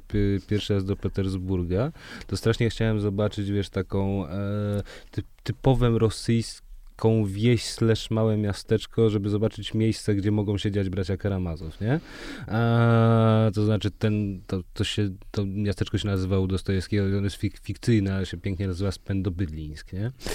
E, no dobra, ale jest jeszcze jedna bardzo istotna różnica, bo możemy mówić o kulturze narodowej i o kulturze mm. państwowej. Gdzie mhm. tutaj przebiega rozgraniczenie? No bo wiesz, z jednej strony e, zarówno Anna Achmatowa, jak i Michał Szołochow pisali po rosyjsku, no tylko, że byli od siebie tak daleko, jak tylko można być, będąc pisarzami e, tego samego języka. Zarówno e, był rosyjskim, czy też radzieckim kompozytorem Dymitr Szostakowicz, jak i dosyć mierny szef Związku Kompozytorów, który, e, który, który całe życie na niego dybał, zazdrosny jego talent i wykorzystywał władzę radziecką po to, żeby, żeby go jakoś upodlić. No widzisz, to jest właśnie, wydaje mi się, że to to, widać w każdym e, kraju, który jest e, rządzony w sposób totalitarny mhm. czy autorytarny. To jest sytuacja, w której masz z jednej strony tę kulturę wielką, e, która powstaje bardzo często w opozycji do tych ogólnie promowanych narodowych czy propaństwowych narracji, jest wielka w ogromnej mierze, dlatego że właśnie krytykuje swój własny punkt mhm. wyjścia, ona krytykuje samą siebie i e, no, do tego potrzeba wielkiego talentu i ogromnej odwagi. Jak sobie zawsze o tym myślę, to mi się przypomina e, Platon, który pisał przecież w państwie, żeby wygnać poetów, ale zostawić kilku, którzy by pisali te hymny pochwalne mhm. ku czci państwa. No i to bardzo dobrze widać w tych wszystkich totalitaryzmach, że potrzeba zawsze takich autorów, co to coś tam, wiesz, potrafią zrymować, jakiejś wzniosłej odpowiednio metafory użyć i właśnie ku czci państwa, no, e, Być wiesz, inżynierami dusz, jak to Stalin tak, e, zaproponował. Tak. I właśnie oni oni są chciani, oni są wspierani. Natomiast ci wszyscy mm, autorzy, którzy się nie chcą wpisać w ten główny nurt, nie chcą się wpisać w ten propaństwowy trend, no oni mają bardzo ciężkie życie. Oni mają e, zazwyczaj, wiesz, no, w najlepszym razie są na marginesie, a przeważnie albo są, wiesz, później dysydentami, wygnanymi, e, albo trafiają do, na, na zesłanie mhm. i tak dalej, i tak dalej. No jest tutaj tych opowieści e, bardzo dużo. I tak jak sobie dzisiaj myślę o tym, że nagle w 2022 roku ludzie się budzą w Polsce halo, czy my powinniśmy czytać Dostojewskiego? Trochę mnie to śmieszy, wiesz, muszę ci Ale powiedzieć. wiesz co, to ja ci opowiem na swoim przykładzie, mm. bo założyłem sobie na to pierwsze półrocze tego roku, jako człowiek sobie zawsze robi jakieś postanowienia noworoczne, to ja sobie zro, zrobiłem postanowienie, że e, wracam do takiej klasyki, którą czytałem już potwornie, potwornie dawno, bo i nie wiem, w gimnazjum i w ogóle jej już nie pamiętam. I na dwa dni przed atakiem na Ukrainę zacząłem sobie czytać na nowo Mistrza i Małgorzatę. Mm. Znakomita powieść, już zapomniałem y, jak dobra. I w dzień po ataku, kiedy te wszystkie dyskusje rozgorzały i tak dalej, i tak dalej, czekałem sobie w knajpie na znajomego. No i tam czekałem, więc sobie czytałem książkę i bardzo się cieszyłem, że mam ją na iPadzie, więc nikt nie widzi tego, co ja czytam i mogę sobie bezpiecznie, e, bezpiecznie, bezpiecznie doczytać dalej, bo też miałem jakieś poczucie pewnej niestosowności tego, co robię. Wiesz co, to jest bardzo śmieszne, co mówisz dla mnie, bo e, śmieszne dlatego, że e, dokładnie właśnie w tym samym czasie z moją córką czytałyśmy Mistrza i Małgorzatę, bo to była jej szkolna lektura. E, i bardzo kocham tę książkę i z wielką radością, chociaż moja córka już jest duża i sama czyta świetnie, ale wróciłyśmy do takiej naszej tradycji głośnego czytania. Ja bardzo lubię z nią razem czytać książki, które na mnie kiedyś mm -hmm. zrobiły ogromne wrażenie, no bo właśnie sobie wracam i mi się przypomina. E, I też lubię patrzeć na jej reakcje, trochę tak czytać jej oczami. E, I no wiesz, ona ma 14 lat, łatwo Aha. się nudzi różnymi rzeczami, inna, inna, trochę przyczepność uwagi. Natomiast tutaj była totalnie wkręcona i zafascynowana tą książką. E, i, I właśnie dokładnie, kiedy już kończyłyśmy, to, e, to był ten 24 lutego. E, ja się zastanawiałam, co zrobi pani w szkole, co Aha. zrobi polonistka.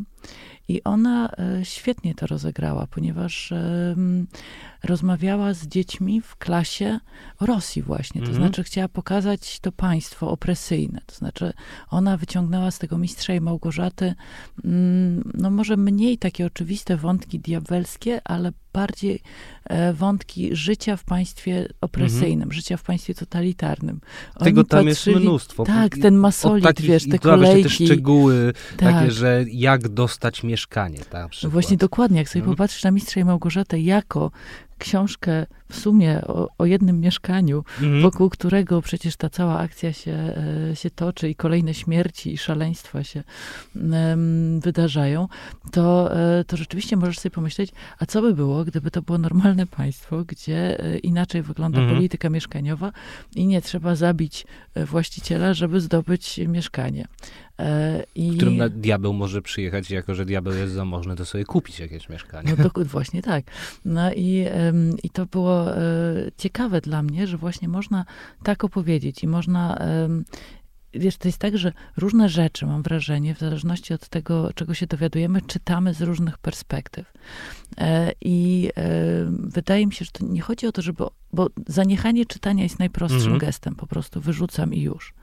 E, I są rzeczy, których na pewno czytać nie warto po prostu, no bo jeżeli wiesz, że ktoś był reżimowy, po prostu po szyję zanurzony w propagandzie, no to, to, to jest strata czasu. Jest tyle książek, że, że naprawdę możemy to sobie jakoś, jakoś filtrować ale, ale z drugiej strony te książki wielkie i ważne, które mhm. właśnie no jak Mistrz Małgorzata są arcydziełami, e, można przeczytać przez inny pryzmat, patrząc z innej perspektywy. Wiesz, to jest tak jak um, kilka lat temu ukazały się te e, czarne zeszyty Heideggera. Mhm. No i świat filozoficzny po prostu się zatrząsł. I też nie do końca wiadomo, dlaczego się zatrząsł. No bo wiadomo, że Heidegger był członkiem NSDAP, E, wiadomo, że no mimo takich przebąkiwań tak naprawdę nigdy się radykalnie od tego nie odciął, że uciekł do tego Schwarzwaldu i że tam Chodził sobie życie spędzał i Hanna Arendt próbowała go bronić, ale mm, no ale to tak też zostało przyklepane, nigdy nie wyjaśnione. No i potem nagle się ukazują te czarne zeszyty i tam po prostu jest taki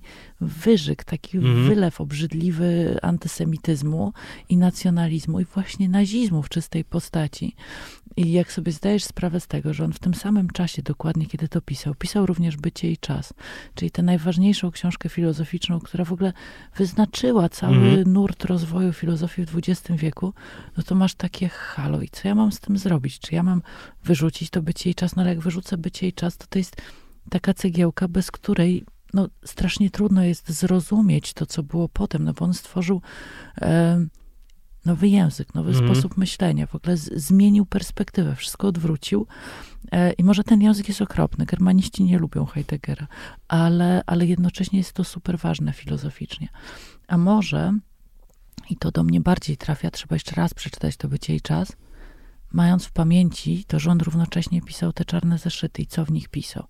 I czytać to z dużo większą uwagą, z dużo większą troską, z dużo większym zaangażowaniem, patrząc e, na to, jak pewne wątki się przenikają, skąd on je bierze.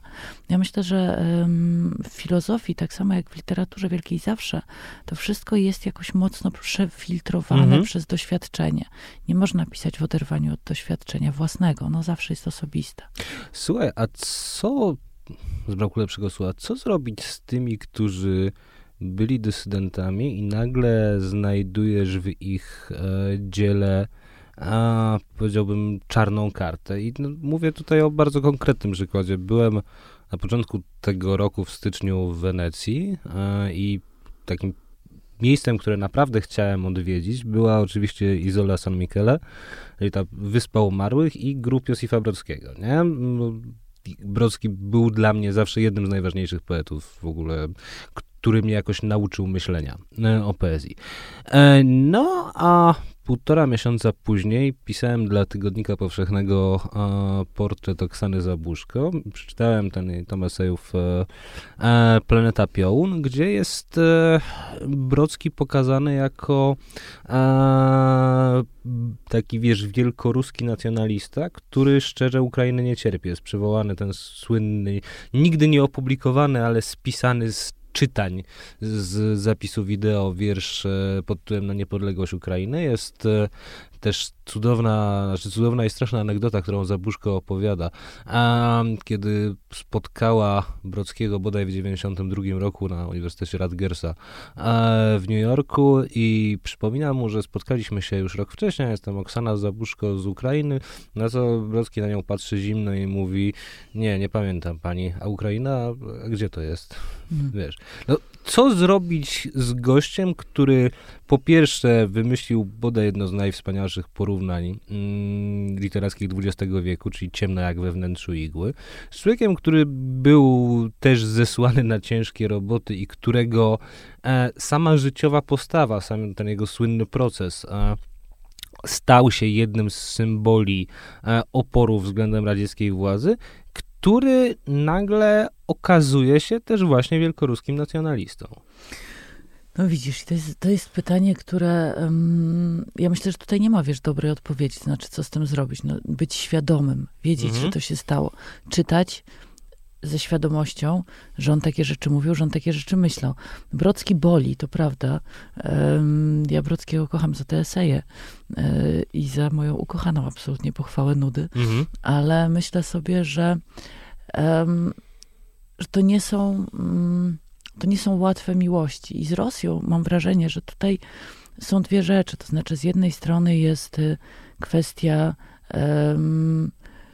tego, że sami ci autorzy mają do Rosji taki bardzo skomplikowany stosunek takiej miłości zmieszanej z nienawiścią, Mhm. w zasadzie w równych proporcjach. I e, no, dobrze bardzo widać u Dostojewskiego. Tam jest duma z Rosji. Nie, no jasne, Tam jest tak. ta Rosja wielka.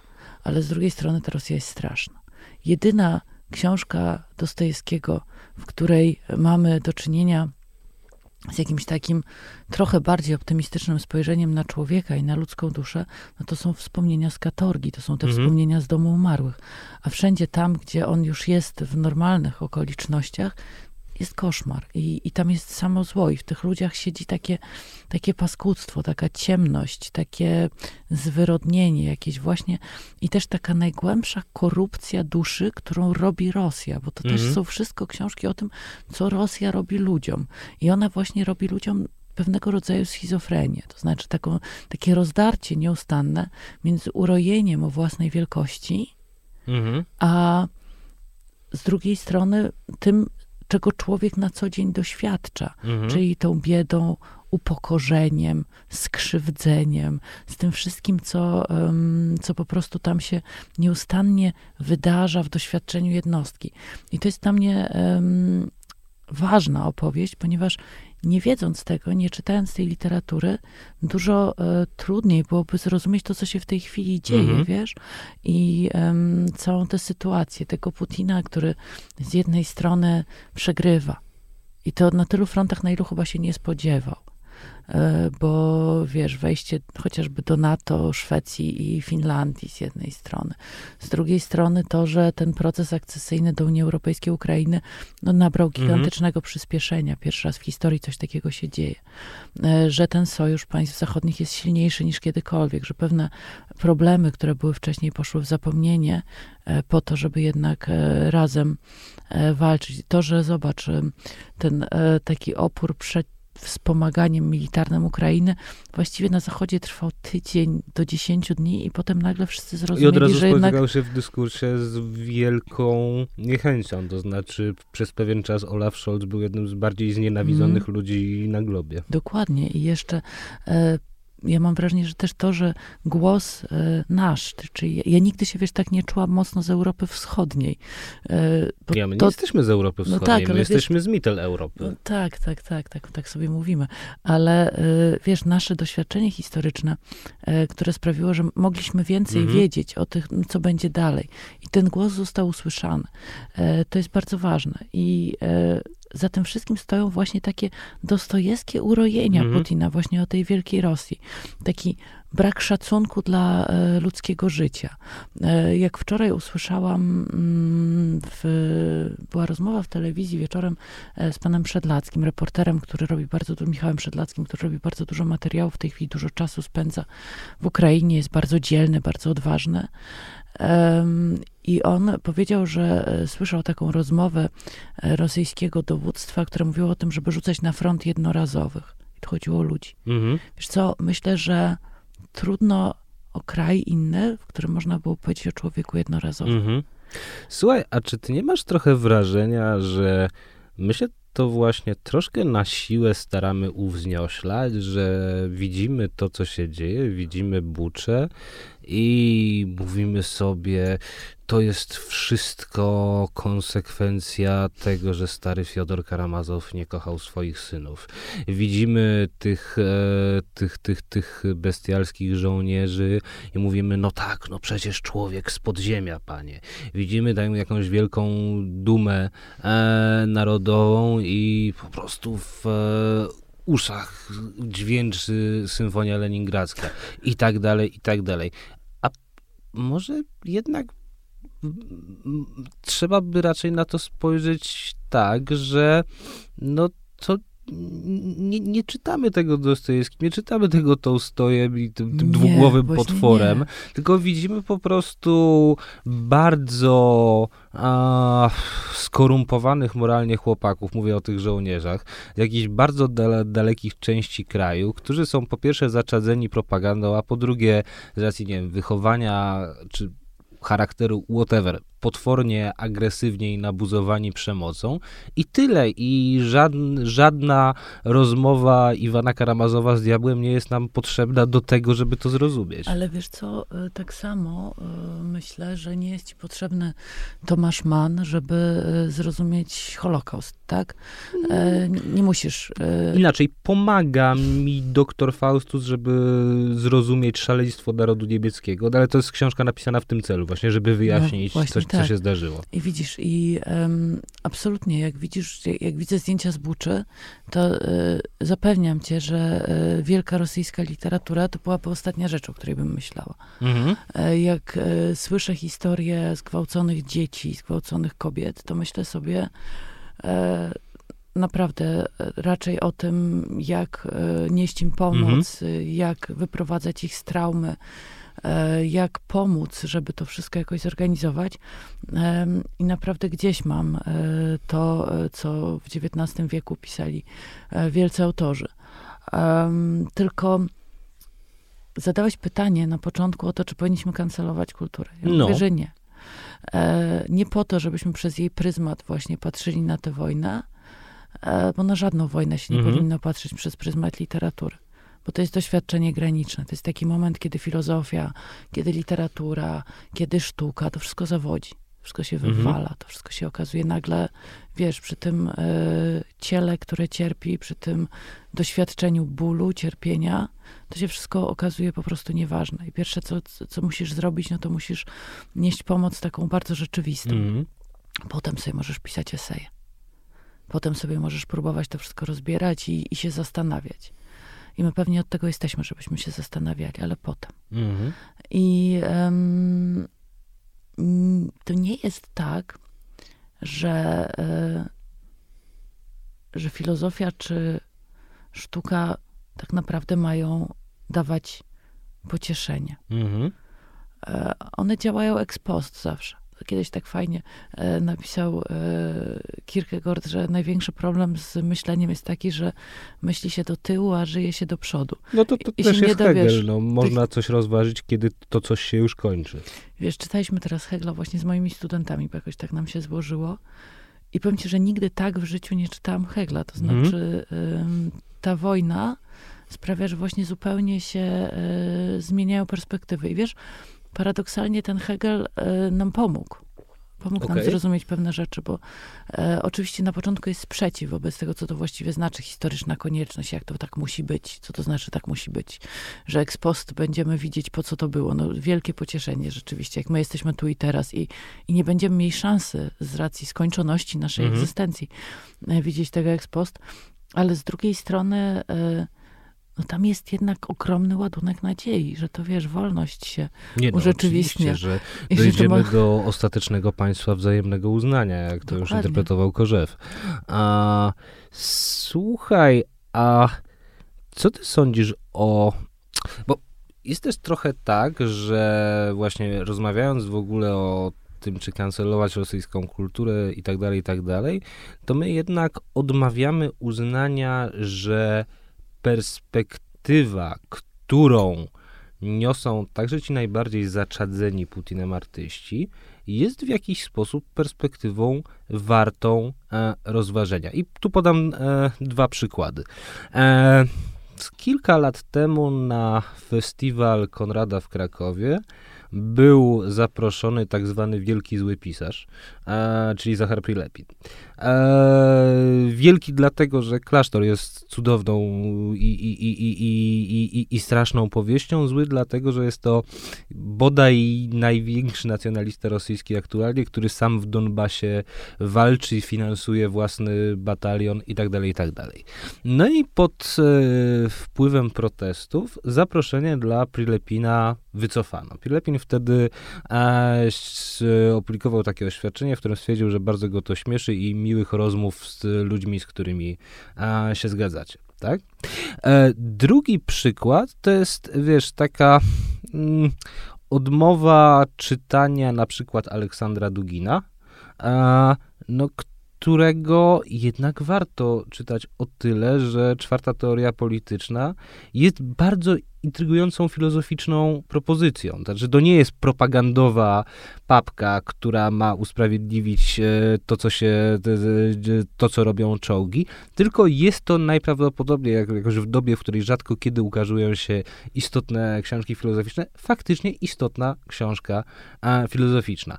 Więc czy to nie jest tak, że my w ogóle rozmawiając na ten temat, jakoś się zamykamy w bańce, która uniemożliwia nam pomyślenie, że być może tamta perspektywa, która być może nas brzydzi, która być może wywołuje w nas moralne oburzenie i tak dalej, i tak dalej, jest równoważna z naszą perspektywą. Wiesz co, ja myślę, że mm, to wszystko zależy, teraz tak po heglowsku pojadę, od momentu. No. To znaczy, jeżeli czasy są spokojne i jesteśmy na tej pustej karcie historii, to możemy sobie czytać różne rzeczy. Aha. E, wojna to jest sytuacja, w której Wiesz, myśmy tam wcześniej różne rzeczy opowiadali o polaryzacji, o podziałach tak. i tak dalej. Wojna to jest taki moment, gdzie nagle się świat robi czarno-biały. Aha. Gdzie e, po prostu są e, źli i dobrzy. Gdzie wracamy do jakichś takich najprostszych, e, mitycznych korzeni, gdzie zawsze, wiesz, jest to światło po jednej stronie i ta ciemność po drugiej. Oczywiście nikt nigdy nie jest mhm. siłą ciemności. Każdy myśli, że to on jest świetlisty. I to nie, znaczy to, to, jest moment, w którym właśnie robimy się bardzo radykalni. No. I to jest e, jak najbardziej naturalne, no bo potrzebujemy, potrzebujemy tego radykalizmu.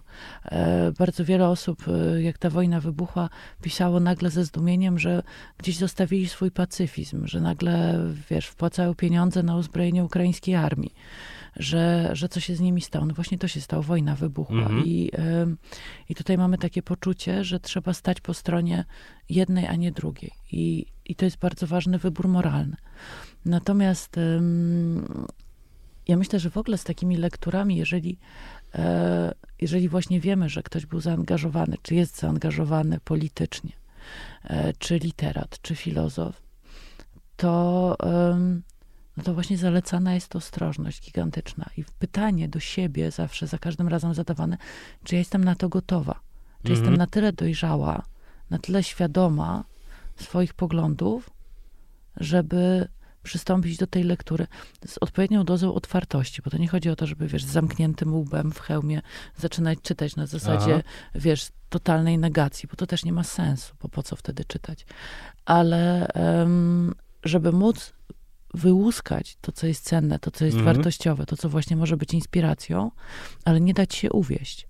To, to jest trochę widzisz, tak, jak ja... wiesz, idziesz mhm. na spotkanie z człowiekiem, o którym wiesz, że jest psychopatą, Aha. wiesz, że jest zły, wiesz, że ma ogromny czar w sobie, no bo to jest cecha podobno charakterystyczna mhm. dla psychopatów, że potrafią uwodzić, ale musisz gdzieś z tyłu głowy mieć nie dam się uwieść, tak? Bo będę cierpieć. To widzisz, to nas różni, bo ja właśnie w czytaniu tych takich radykalnych prawicowców slash faszystów właśnie najbardziej lubię kiedy to, że wychodzę z tej swojej bezpiecznej, liberalnej bańki i znowu mi płoną uszy przy lekturze.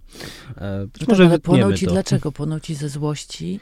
Nie, płoną Czy mi płoną z fascynacji. ci z fascynacji chciałbyś to tak? Mm, to znaczy, wiesz co, do dzisiaj pamiętam e, właśnie takie pierwsze czytania Dostojewskiego jeszcze w gimnazjum, liceum liceum, kiedy e, czytałem o tym złym zachodzie, który zostanie, któremu przeciwstawiona jest ta e, rosyjska poszwa gleba, z której wyjdzie przebóstwiony człowiek, ten bogo człowiek albo człowiekobój, jak to, jak, jak to jest w tej, w tej rozmowie w Biesach, no to słuchaj, to było coś tak innego niż to wszystko, co znałem wcześniej. To było coś tak, to była taka wizja, że rzeczywiście nie byłem w stanie się od tego oderwać. Nie byłem w stanie nie być zafascynowany tym. No bo to jest porywające, tylko pytanie, co z tym zrobisz potem.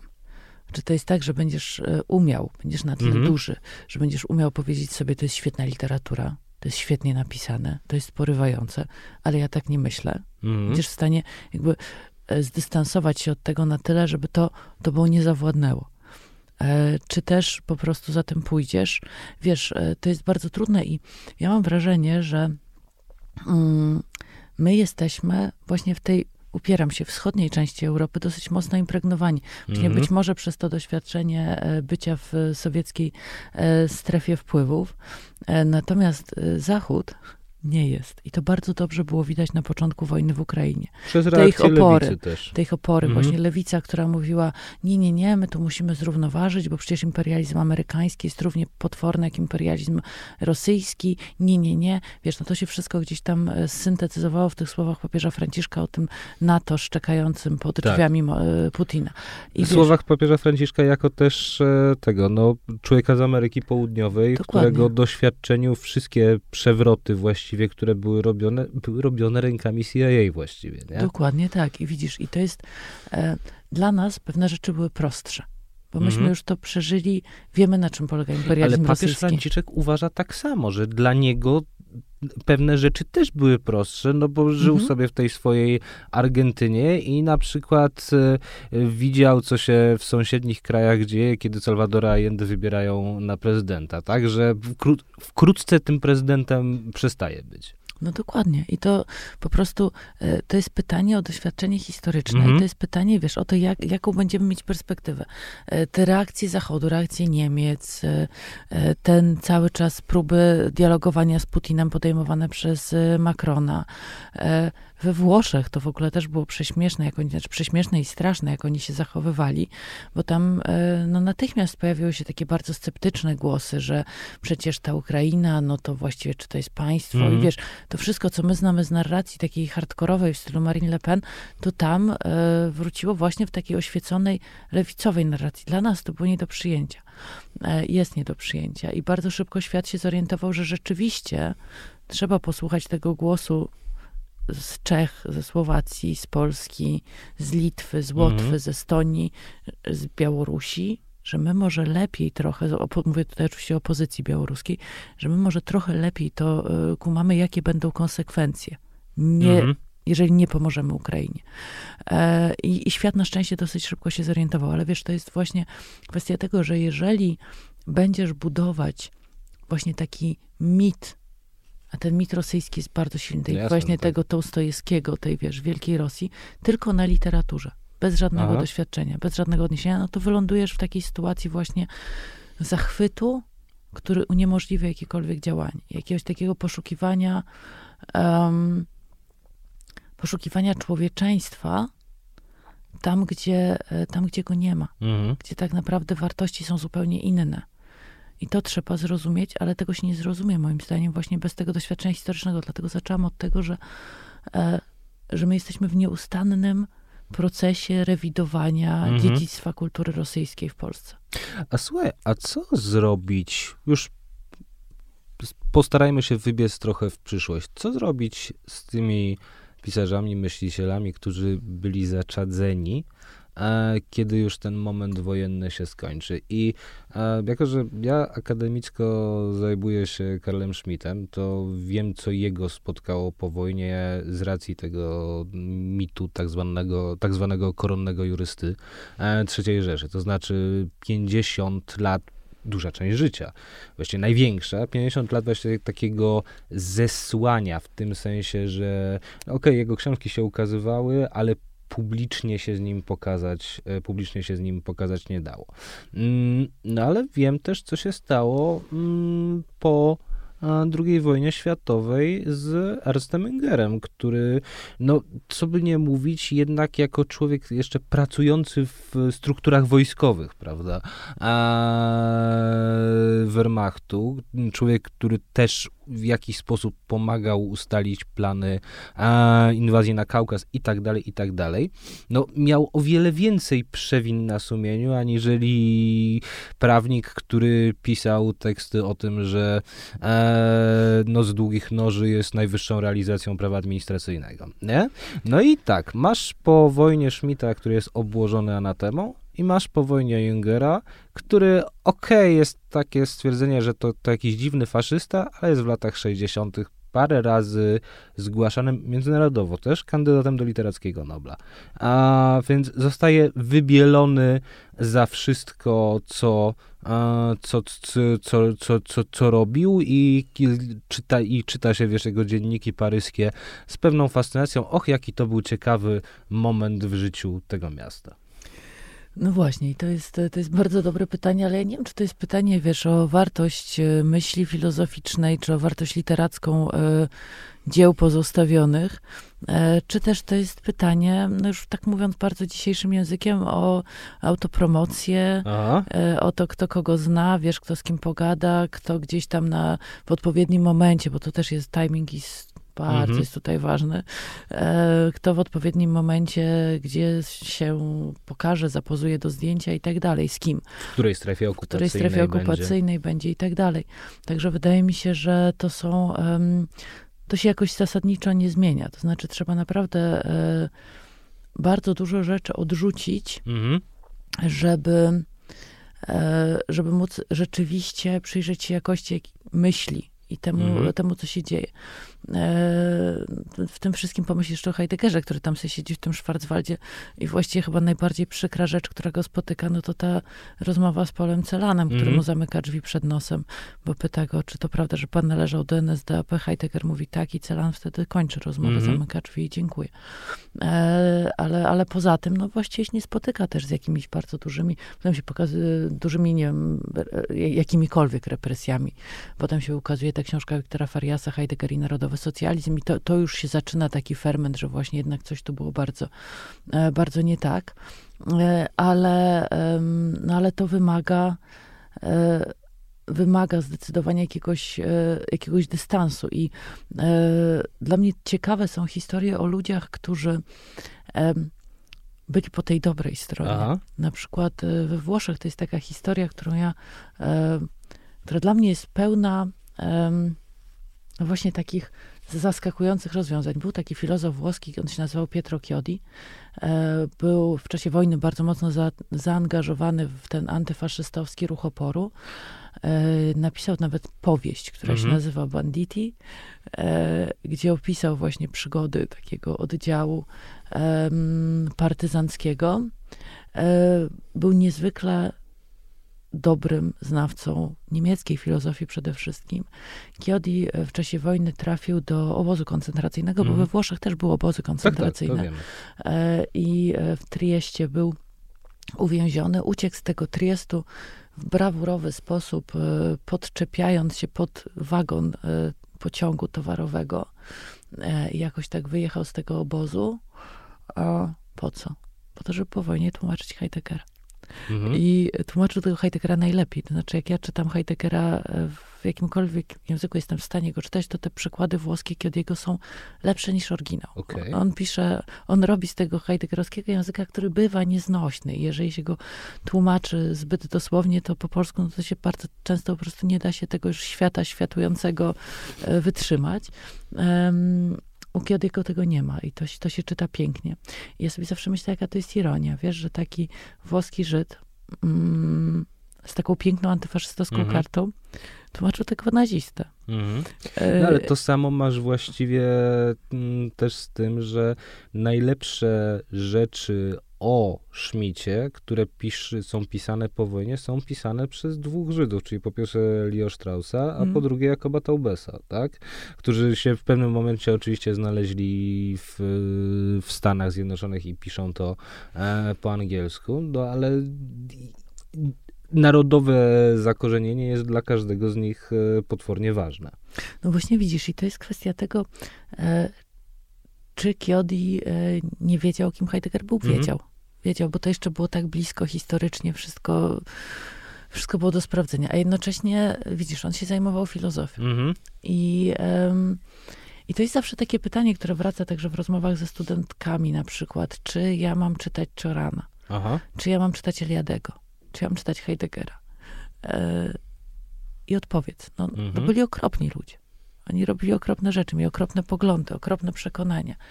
E, stanęli zdecydowanie po stronie czegoś, czego no, nie jesteśmy w stanie usprawiedliwić. Ale z drugiej strony ich dorobek jest na pewno wart uwagi. I naprawdę myślę sobie, że trzeba być super dobrze zorientowanym w tej biografii autora. Wiedzieć, w którym momencie, jakie miał poglądy, mhm. co pisał.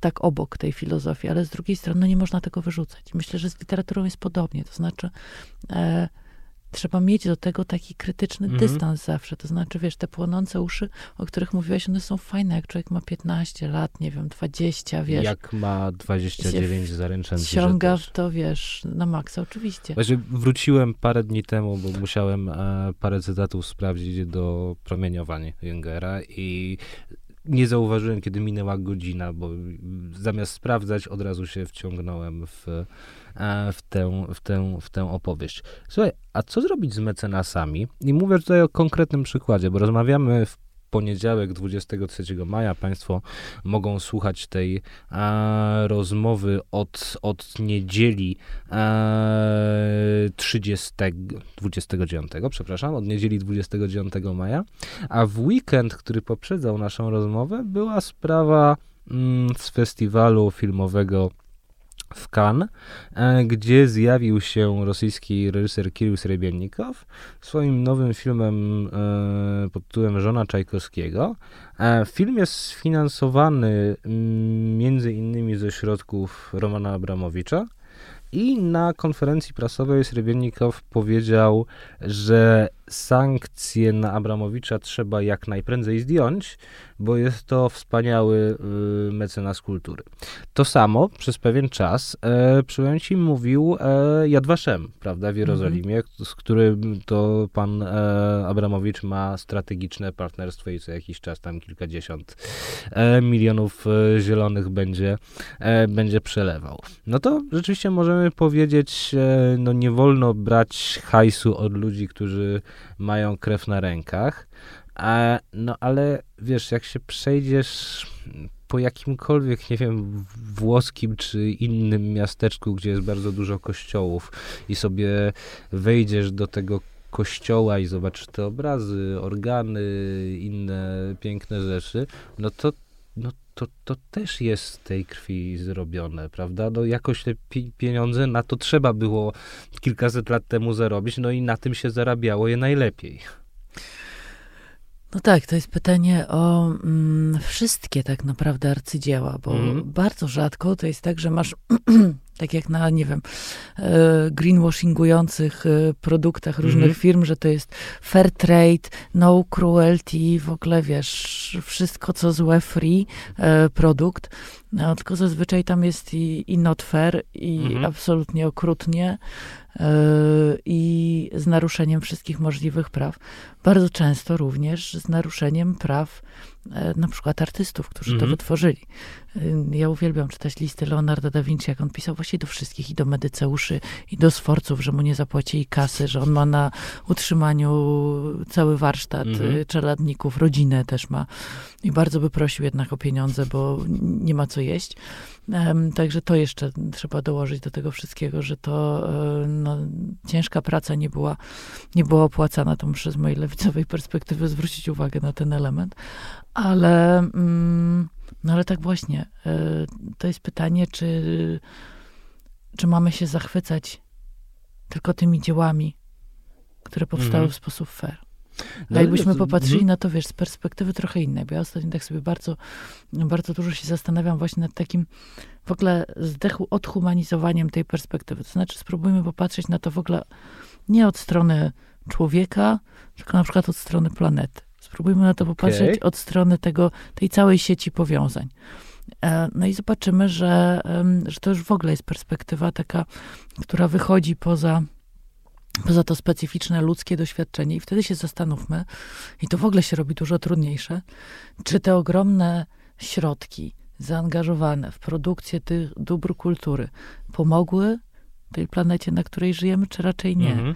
Czy to, że te dobra kultury na przykład są potem wystawiane w jakichś miejscach, do których ludzie się zjeżdżają, korzystnie wpłynęło mhm. na y, planetę? No niekoniecznie, wiesz. To jest też zawsze pytanie o to, z jakiej perspektywy spojrzymy. A z trzeciej strony, już zupełnie inaczej myśląc, no to y, te dzieła sztuki stały się bardzo ważnymi miejscami wspólnymi, mhm. w których możliwe było porozumienie ponad pokoleniami, ponad kontekstami kulturowymi, poza językiem, porozumienie jakiegoś doświadczenia, które budowało wspólnotę i buduje wspólnotę, taką, o jakiej w ogóle nie możemy marzyć w inny sposób. Jeśli jeszcze chodzi o tych mecenasów, to też warto przypomnieć, że właściwie często dla intelektualisty czy artysty jest w sumie obojętne, od kogo te pieniądze bierze. Przynajmniej kiedyś tak było. Mój ulubiony przykład to to, że e, Machiavelli napisał księcia licząc na wsparcie finansowe od księcia Valentino, czyli Cesare Borgino, ale Borgia w pewnym momencie umarł, dlatego książę jest zadedykowany Wawrzyńcowi Wspaniałemu i sam finał jest skierowany do Wawrzyńca Wspaniałego. No i jak to się skończyło? Wyrzucili biednego Machiavellego z Florencji i w ogóle zrobili mu straszliwą krzywdę, wygnali go. On pisał listy potwornie Mhm. błagające, żeby go przywrócili, a był 14 kilometrów od miasta, te listy brzmiały jakby był w ogóle na antypodach. Ja, ja nigdy nie byłem w tym jego, to się nazywa San Casciano, to, Mhm. to, to, to, to miejsce pod Flo- Florencją, w, w którym on, e, w którym on e, osiadł. E, Szczęście na krótko, ale wracając jeszcze do tych mecenasów i do tego, co powiedziałeś o, e, o festiwalu, em, to wiesz co, to jest okropne, co powiem, no, ale em, chyba jakość tej sztuki, która powstaje, mhm. w ostatecznym rozrachunku jest ważniejsza okej. niż to, skąd była wzięta kasa. Czyli już czyli zapominamy o tym, że Symfonia Leningradzka była jednym z ulubionych utworów Stalina i że to Stalin ją był zamówił. Symfonia leningradzka jest tym, co zostanie. Mhm. I co będzie dalej miało moc, y, wiesz, wprawiania ludzi w zachwyt. Mhm. Natomiast Stalin nie. I, e, I to jest no, jakaś taka, wiesz, dosyć banalna w sumie refleksja o ponadczasowości sztuki. Mhm. E, no i o takiej niezwykłej, wspólnototwórczej mm, potędze doświadczeń estetycznych. Mhm. Tutaj wychodzisz poza... E, nic nie musisz wiedzieć nagle. I, i to jest też okropne, no bo te wszystkie takie porywające dzieła mogą też oczywiście być wykorzystane w złej sprawie. Jak Mhm. pomyślisz o e, różnych wersjach e, choreografii społecznych, o tych wszystkich defiladach, e, o teatrze dla pięciu tysięcy Reinhardta, wiesz, no to są wspaniałe, monumentalne rzeczy. To angażuje, to Mhm. przeżywamy, to zostaje. A to, że to jest robione, na przykład właśnie tak jak ostatnio się przyglądaliśmy 9 maja em, defiladzie w Moskwie, po co jest taka defilada? No po to, żeby ludzie właśnie przez tę taką moc Mhm. bycia razem poczuli się rzeczywistą, narodową wspólnotą. Tylko to, to przemija, a pewne rzeczy zostają. A czy ty wierzysz w istnienie jakiejś kultury ponadnarodowej, ogólnoludzkiej? Bo jak państwo wiedzą z poprzedniej rozmowy z Konstantym Gebertem, ja mam do kategorii narodu stosunek dosyć podejrzliwy i jeśli e, i tak na prywatnym polu raczej niechętny. To znaczy ja nie cierpię samego siebie definiować narodowo i raczej twierdzę, że ja jestem z jednoosobowego narodu, który nazywa się Wojciech Engelking. E, ale z drugiej strony bardzo lubię ten bonmot e, Józe- Józefa de Mestra z Wieczorów Petersburskich, w którym on stwierdza, że poznał w życiu bardzo wielu Francuzów, Anglików, dzięki Montesquieu'owi wie nawet, że można być Persem, ale właściwie to nigdy w życiu nie poznał ani jednego człowieka. A to znaczy, czy wiesz, czy możliwa jest e, taka kultura, która byłaby rzeczywiście ogólno, ogólnoludzka? Według mnie nie. To znaczy, powiem tak, ja też bardzo lubię wiersz Słonimskiego, ten jest z ojczyzny mojej, ale z drugiej strony uważam, że jest to wiersz potwornie banalny, potwornie utopijny i przez to też potwornie szkodliwy i poziomem banału nie za wiele różni się od Imagine Johna Lennona. No ale zarówno Imagine, jak i ten jest z ojczyzny mojej, to są bardzo ważne takie loci communes, Mhm. e, w których e, odczuwamy wzruszenie. E, Wiesz co, ja Właśnie ja nie lubię tego swojego wzruszenia przy tym, bo, Bo przy Imagine też się wzruszam, ono no jasne, że tak. bo to jest właśnie problem, że im bardziej wyrafinowany jest intelektualista, tym bardziej się boi wzruszać, bo wzruszenie jest kiczowate No. zawsze. E, a już jak się człowiek, jak człowiek zobaczy to własne wzruszenie, to już jest kicz do kwadratu i to już jest w ogóle straszne. E, ale wiesz co, ja w ogóle myślę, tak sobie po kantosku, jeżeli chodzi o tę e, kulturę, że ona nie jest narodowa w ogóle Okej. że ona jest, Kant pisze w, o państwie celów w drugiej krytyce, czyli o takim państwie, w którym jesteśmy jako suwerenne podmioty, czyli jesteśmy dla siebie i dla innych ludzi celami samymi Mhm. w sobie. I e, kiedy w trzeciej krytyce pisze o tym doświadczeniu piękna, doświadczeniu rozkoszy, Mhm. przyjemności estetycznej, e, to też e, mówi o tym, że to jest absolutnie suwerenne doświadczenie, ale jednocześnie uniwersalne. I to jest taka mm, bardzo ważna rzecz, że są rzeczy, że są takie właśnie momenty, takie miejsca, takie przeżycia, które są absolutnie nasze i nie jesteś się w stanie swoim zachwytem, tak naprawdę jakbyś tego nie opisał, z nikim podzielić. Mhm. Nikogo nie jesteś w stanie skłonić do zachwytu. A jednocześnie masz ogromną potrzebę tego, żeby ktoś inny się zachwycił tym, czym ty się zachwycasz. Jasne, I tak. sto razy nam się zdarzyło na pewno, że coś widzieliśmy, a potem ciągnęliśmy kogoś i mówiliśmy, słuchaj, musisz to, musisz tego posłuchać, mhm. musisz. E, ale to jest, to jest nieprzenoszalne. Dlaczego? Dlatego, że ta kategoria piękna jest przestrzenią spotkania. Mhm. I tam każdy musi przyjść sam. Niezależnie od tego, z jakiegoś narodu, w którym wieku się urodził, czy w piątym przed naszą erą, czy w piętnastym, czy w dwudziestym pierwszym, to są takie miejsca, takie doświadczenia, które właśnie dają to wspólne przeżycie. I zobacz, to nie jest zawężone nawet do kontekstu kulturowego, bo możesz bardzo głęboko przeżyć obraz japońskiej artystki. Mhm. Możesz po prostu poczuć e, niezwykłe doświadczenie przy słuchaniu muzyki, nie wiem, perskiej, dajmy mhm. na to, po monteskiuszowsku. I e, jakby to, to w ogóle nie ma nic wspólnego z twoją narodowością.